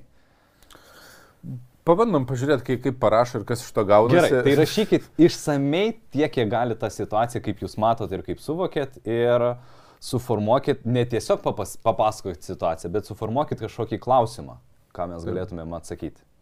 Form, jo, nes jeigu nėra klausimo, tai jo, tiesiog situacija. Bet e, po to atsakymo tai nenaudokit, ne, nepasitarę su gydytojais. Jo. Tiesa. Nu, toks, žinai. Nu, gerai, ir e, palauk, dar vieną klausimą norėjau. A, Ai, o jeigu nusprendai vis dėlto skirtis, e, kaip teisingai tai daryti? Nes Tai jeigu- čia provokuoju, Ne, ne? nu, tai jeigu, nusp... žinai, jeigu sprendi skirtis ar ne, tai, nu, akivaizdu, pradėti reikėtų dirbti su savimi, ieškoti kontrainformacijos, ne tos pačios, kuri patvirtina jau mano Mhm. sprendimą. Nešnekėti vien tik su draugais ar ten su tais, kurie mane palaiko, ieškoti, ta prasme, platesnio konteksto, suprasti kitą pusę ir taip toliau. Nu, šiaip priešnekėjom visokių dalykų, kurie galėtų padėti. Individualioje situacijoje dar individualių įvairių sprendimų įmanoma surasti tikrai. Bet e, jeigu jau nusprendė žmonės skirtis, tai aš pastebėjau, kad toj vietoj nu, pristirbam nesąmonę. Aš tai paprastai pasakysiu. E, Jeigu jau nusprendėt, kad e, aš skiriuosi, tai pirmas dalykas, nei kai mes nusprendžiam, kad būsim kartu, mes nesam tikri, ar būsim visą gyvenimą, nes yra daug aplinkybių. Nei kai mes nusprendžiam skirtis, mums neaišku, ar mes iš tikrųjų išsiskirsim. Ir čia, čia Taip, svarbu yra. Dėl to e, logiška būtų, man atrodo, konstruktyvu būtų nedeginti tiltų, ne... e, Žinai, kai mano tėvai skiriasi, mano mamai močiutė dar sakė, kažkaip, e, kad nepaversk, žodžiu, savo draugų priešais ir bus lengviau, arba išsiskiri taip, kad nebūtų gėda susitikti gatvėje. Žinai, aš net mačiau terminą angliškai uncoupling, nu, tipo, kad ne divorce, bet uncoupling. Nu, tipo, O, nu, okay, toks mm, kitoks. Išsi... Lietuviškai vis tiek ne. išsiporavimas. Neporoj, nu, ne, neporavimas. Nu, jo. Nu, tipo, kad atsiskiria. Bet, nu, tiesiog elementariai. Pirmas dalykas - fiziškai atsiskirti poroje tada yra logiška, tiesiog suplanuoti ir išsikraustyti arba ten, nu, dažniausiai tas, kuris inicijuoja. Bet matai, Bet bet ten tuo metu- karas vyksta Bet, dažniausiai. bet gerai, tegu vyksta ką. Tai būtent dėl to, kas vyksta, sako, skiriamės ir gyvena dar pusę metų kartu. Karts nuo karto dar pasimylinės, nu, vis tiek šalia buvo. Dar- Nes aš patogu. Aš čia juokiuosi, bet, ta prasme, aš ne, ne, ne kitoks, žinai. Ir vi- vietoj to, kad realiai, nu tai gerai, tai skiriamės, tai fiziškai atsiskiriam, bet ir tuo pačiu ne fiziškai atsiskiriam pas ten kitą partnerį išvažiuoti. Net jeigu aš jaučiu, kad ten turiu kažkokią mm, ten meilužę, meilužę ar ten kažkokį žmogų, tai tiesiog pasidaryti pauzę. Nu, gerai, tiek, kiek galiu. Jo, Sako, pusmetį, sako, Pasidaryti pauzę, ta prasme, taip. jeigu ten tik, tik, tikri santykiai, nu tai jie palauks tas ten 3 mėnesius, 6 mėnesius, nu tipo, kas nutiks. Taip, taip. Iš kitos pusės, e, jeigu ir grįši, tai tada tu ne, nebūsi prisidirbęs tiek nesąmonių, kiek mes su Davilė buvom. Tarp kitko, dėl pauzės aš manau, čia yra vienas geriausių patarimų, nes tu išeini iš instinktų lygmenio, Taip. iš noro kovoti, sugrįžti, žinai, tokią draugystės bent jau stadiją. Nu, kartais per pusmetį nesugrįžti tą draugystės stadiją. Bet čia Nu, nuo jo. to, ką- darai Nuo tuo metu, ką, ką tą pusmetį veikia, jeigu tą pusmetį tiesiog renki informaciją, kuo tavo antra pusė yra žulikas ar ten bitch, žinai, tai... Aišku, aš negaliu patikrinti, bet vienas iš įkvėpiančių pavyzdžių, žinai, skirybų yra, nu, ten zvonkų visus tos, kad ten draugauja su kitom šeimom ir taip toliau. Ir tas, Aš manau, kad ta prasme, ne, ne tik, yra nemažai po- porų, kurios sugeba po to bendrauti ir po skirybų ir nu, labai normaliai. Tikriausiai. Bet yra ir tų, kurios nesugeba, žinai, ypač kai žmonės turi vaikų, sako, mes skiriamės, sako, sako ar turi priežasčių ten išsaugoti santykių. Ne, jokių, sakau, tai bent 18 metų, ar ten 14 metų, tu vis tiek turėsi santykių kaip vaiko, tėtis, vaiko mama, nu, tipo, tu santykis niekur nedings. Tai bent jau šitas santykis preskis, nu, bet vat, mes norim daug. Dar kitas patarimas yra, aišku, ten yra daug ir racionalių dalykų, kurias reikia įspręsti ir teisiškai ir panašiai, bet aš turėjau vieną situaciją, kur viena moteris labai piknosi, kad po skirybų vai, e, vyras duodavo tik tai 100 eurų, man atrodo, kiekvieną mėnesį. Mhm. Ir, ir jai tai buvo visiškai kosmosas. Ir tada, kada mes pradėjom a, aiškintis, o kiek vyras uždirba, paaiškėjo, kad jis uždirba ten nuo 4 iki 500, kad jo pragyvenimas labai panašiai ir jam tas šimtas atiduoti yra, nu čia esminė, žinai, finansuose vieta. Ir tada jinai pagalvojo, kad, nu jo, gal iš ir da, duoda viską, ką gali, bet man tai nepakanka, žinai. Ir skirybų atveju, aš manau, lūkesčių valdymas yra labai labai svarbus šitas dalykas. Nes aš tai galvoju, ypač jeigu skirybos buvo tokios, kur nebuvo santokos, tai jis labai greitai suyra, nu, tai labai greitai Mm. išsidrasko, bet e, aš, jeigu yra bent vienas žmogus rodantis iniciatyvą ir norint, nes jeigu abu nenori, nu, tai ten tik, nu, akivaizdžiai nieko nebus, bet jeigu vienas yra norintis, tai, nu, neprisidirbti, pasidaryti pauzę, pasi... Tai, Aišku, aš galiu pašnekėti, bet vis tiek žmonės elgsis, žinai, šitą situaciją. tai kad ir patys žinai, nu, kai... Ir, ir pats taip elgiausi, nu, tai kur. Ta, ta. Bet, žinai, tada nebuvo tokio podkasto, kur galėtų kas nors pasakyti. Žinai, yra patarimų, kurie yra e, tokie sudėtingi, yra tokie paprasti. Tai vat, bent neprisidirbti, man atrodo, toks paprastas, kur Taip, taip, ne- logiškas labai. mažai žalos.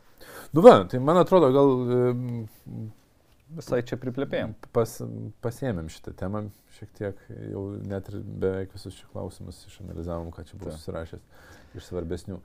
Tai aš tai manau, kad po pirmo šito epizodo labai lauksim jūsų grįžtamojo ryšio komentaruose. Mhm. Rašykit, kaip jums atrodo, kas patiko, kas nepatiko, kokių rubrikų norėtumėt. Mes čia esam prigalvoję, gal net ir su pakeistais balsais, kad jūs gyvai prisijungtumėt ir visokių kitokių dalykų. Tarp kitko, galit pakomentuoti. Yra idėja, kada jūs, e, pavyzdžiui, mes pastatom ekraną ir jūs paskambinat per Zoom programėlę ir mes pakeičiam jūsų ir balsą ir veidą. Ir aš esu ištestavęs, kada aš su Šreko galva galiu šnekėti ir manęs niekas net pažįsta, bet tada mes, pavyzdžiui, turėtumėm, nu, kontekstą, tai reiškia, galėtumėm padiskutuoti vienu ar kitu jums rūpimų klausimu. Tai ar norėtumėt tokios rubrikos ir ar dalyvautumėt? Taip, tai, tai, tai nereiškia, kad ten e, asmeninė coachingo sesija, bet nu, kažkokį klausimą panalizuoti ir kažkoks rūpimas. Jo. Nes vienas dalykas būti. parašyti laišką, kitas dalykas tiesiog papasakoti situaciją ir viskas. Tai ačiū visiems kantriesiems, kurie išbuvot, išklausėt, žiūrėjot, tikiuosi, kad e, patiko, sukūrėm kažkokios vertės. Man asmeniškai labai patiko paplepėti, aš noriu grįžti prie šito stalo ir dar kartą panagrinėti. Kitas... Specialiai šito podcast'o stalas, jis specialiai nupirktas šitam podcast'ui. Tai aš irgi noriu Jums e, tarti ačiū už tai, kad dėka Jūsų mes turim galimybę pašnekėti, o mano lūkesčiai pasteisino, aš norėjau, kad būtų uh, tokiam srauto būsenoje tas pokalbis, kad mes net pamirštam ja. pažiūrėti klausimus. Tai... Laikas, va, kada dinksta laiko ir vietos nuovoka, tada yra. Tai su to didžiuliu įkvėpimu sveikinam iki kito podkasto, nes tikrai dar bent uh, vieną kitą šimtą jūsų kursim. jo, iki.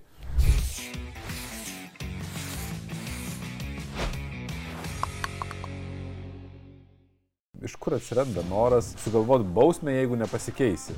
Tarp kitko, vat aš visą laiką norėjau tavęs paklausti, kaip manai, kas yra svarbiau? Logika ar emocijos? Poroj, bet, nu, nu gerai, jūs Agne, kaip padaryti, kad išliktumėt pasitempę visą laiką? Nu, ne, nesubobėtumėt, kaip tu sakai, bet skirybų momente būna taip, kad trai pusė yra grasinama arba antra pusė pati netgi pasiryšta ultimatumui, pasakyk, ką padarysiu, bet ką, kad nepaliktum. Bet aš žinau, kad net yra tokių siūlymų tokias praktikas daryti. Tai va. Kad poros miegotų atskirai. Pavyzdžiui, dvi arba tris dienas per savaitę miegoti atskirai. Pasiūliau Agniai. Yra dar žiauresnis, yra net ir po skirybų dar vienas žiauresnis ultimatumas. Dėl vaikų? Ne.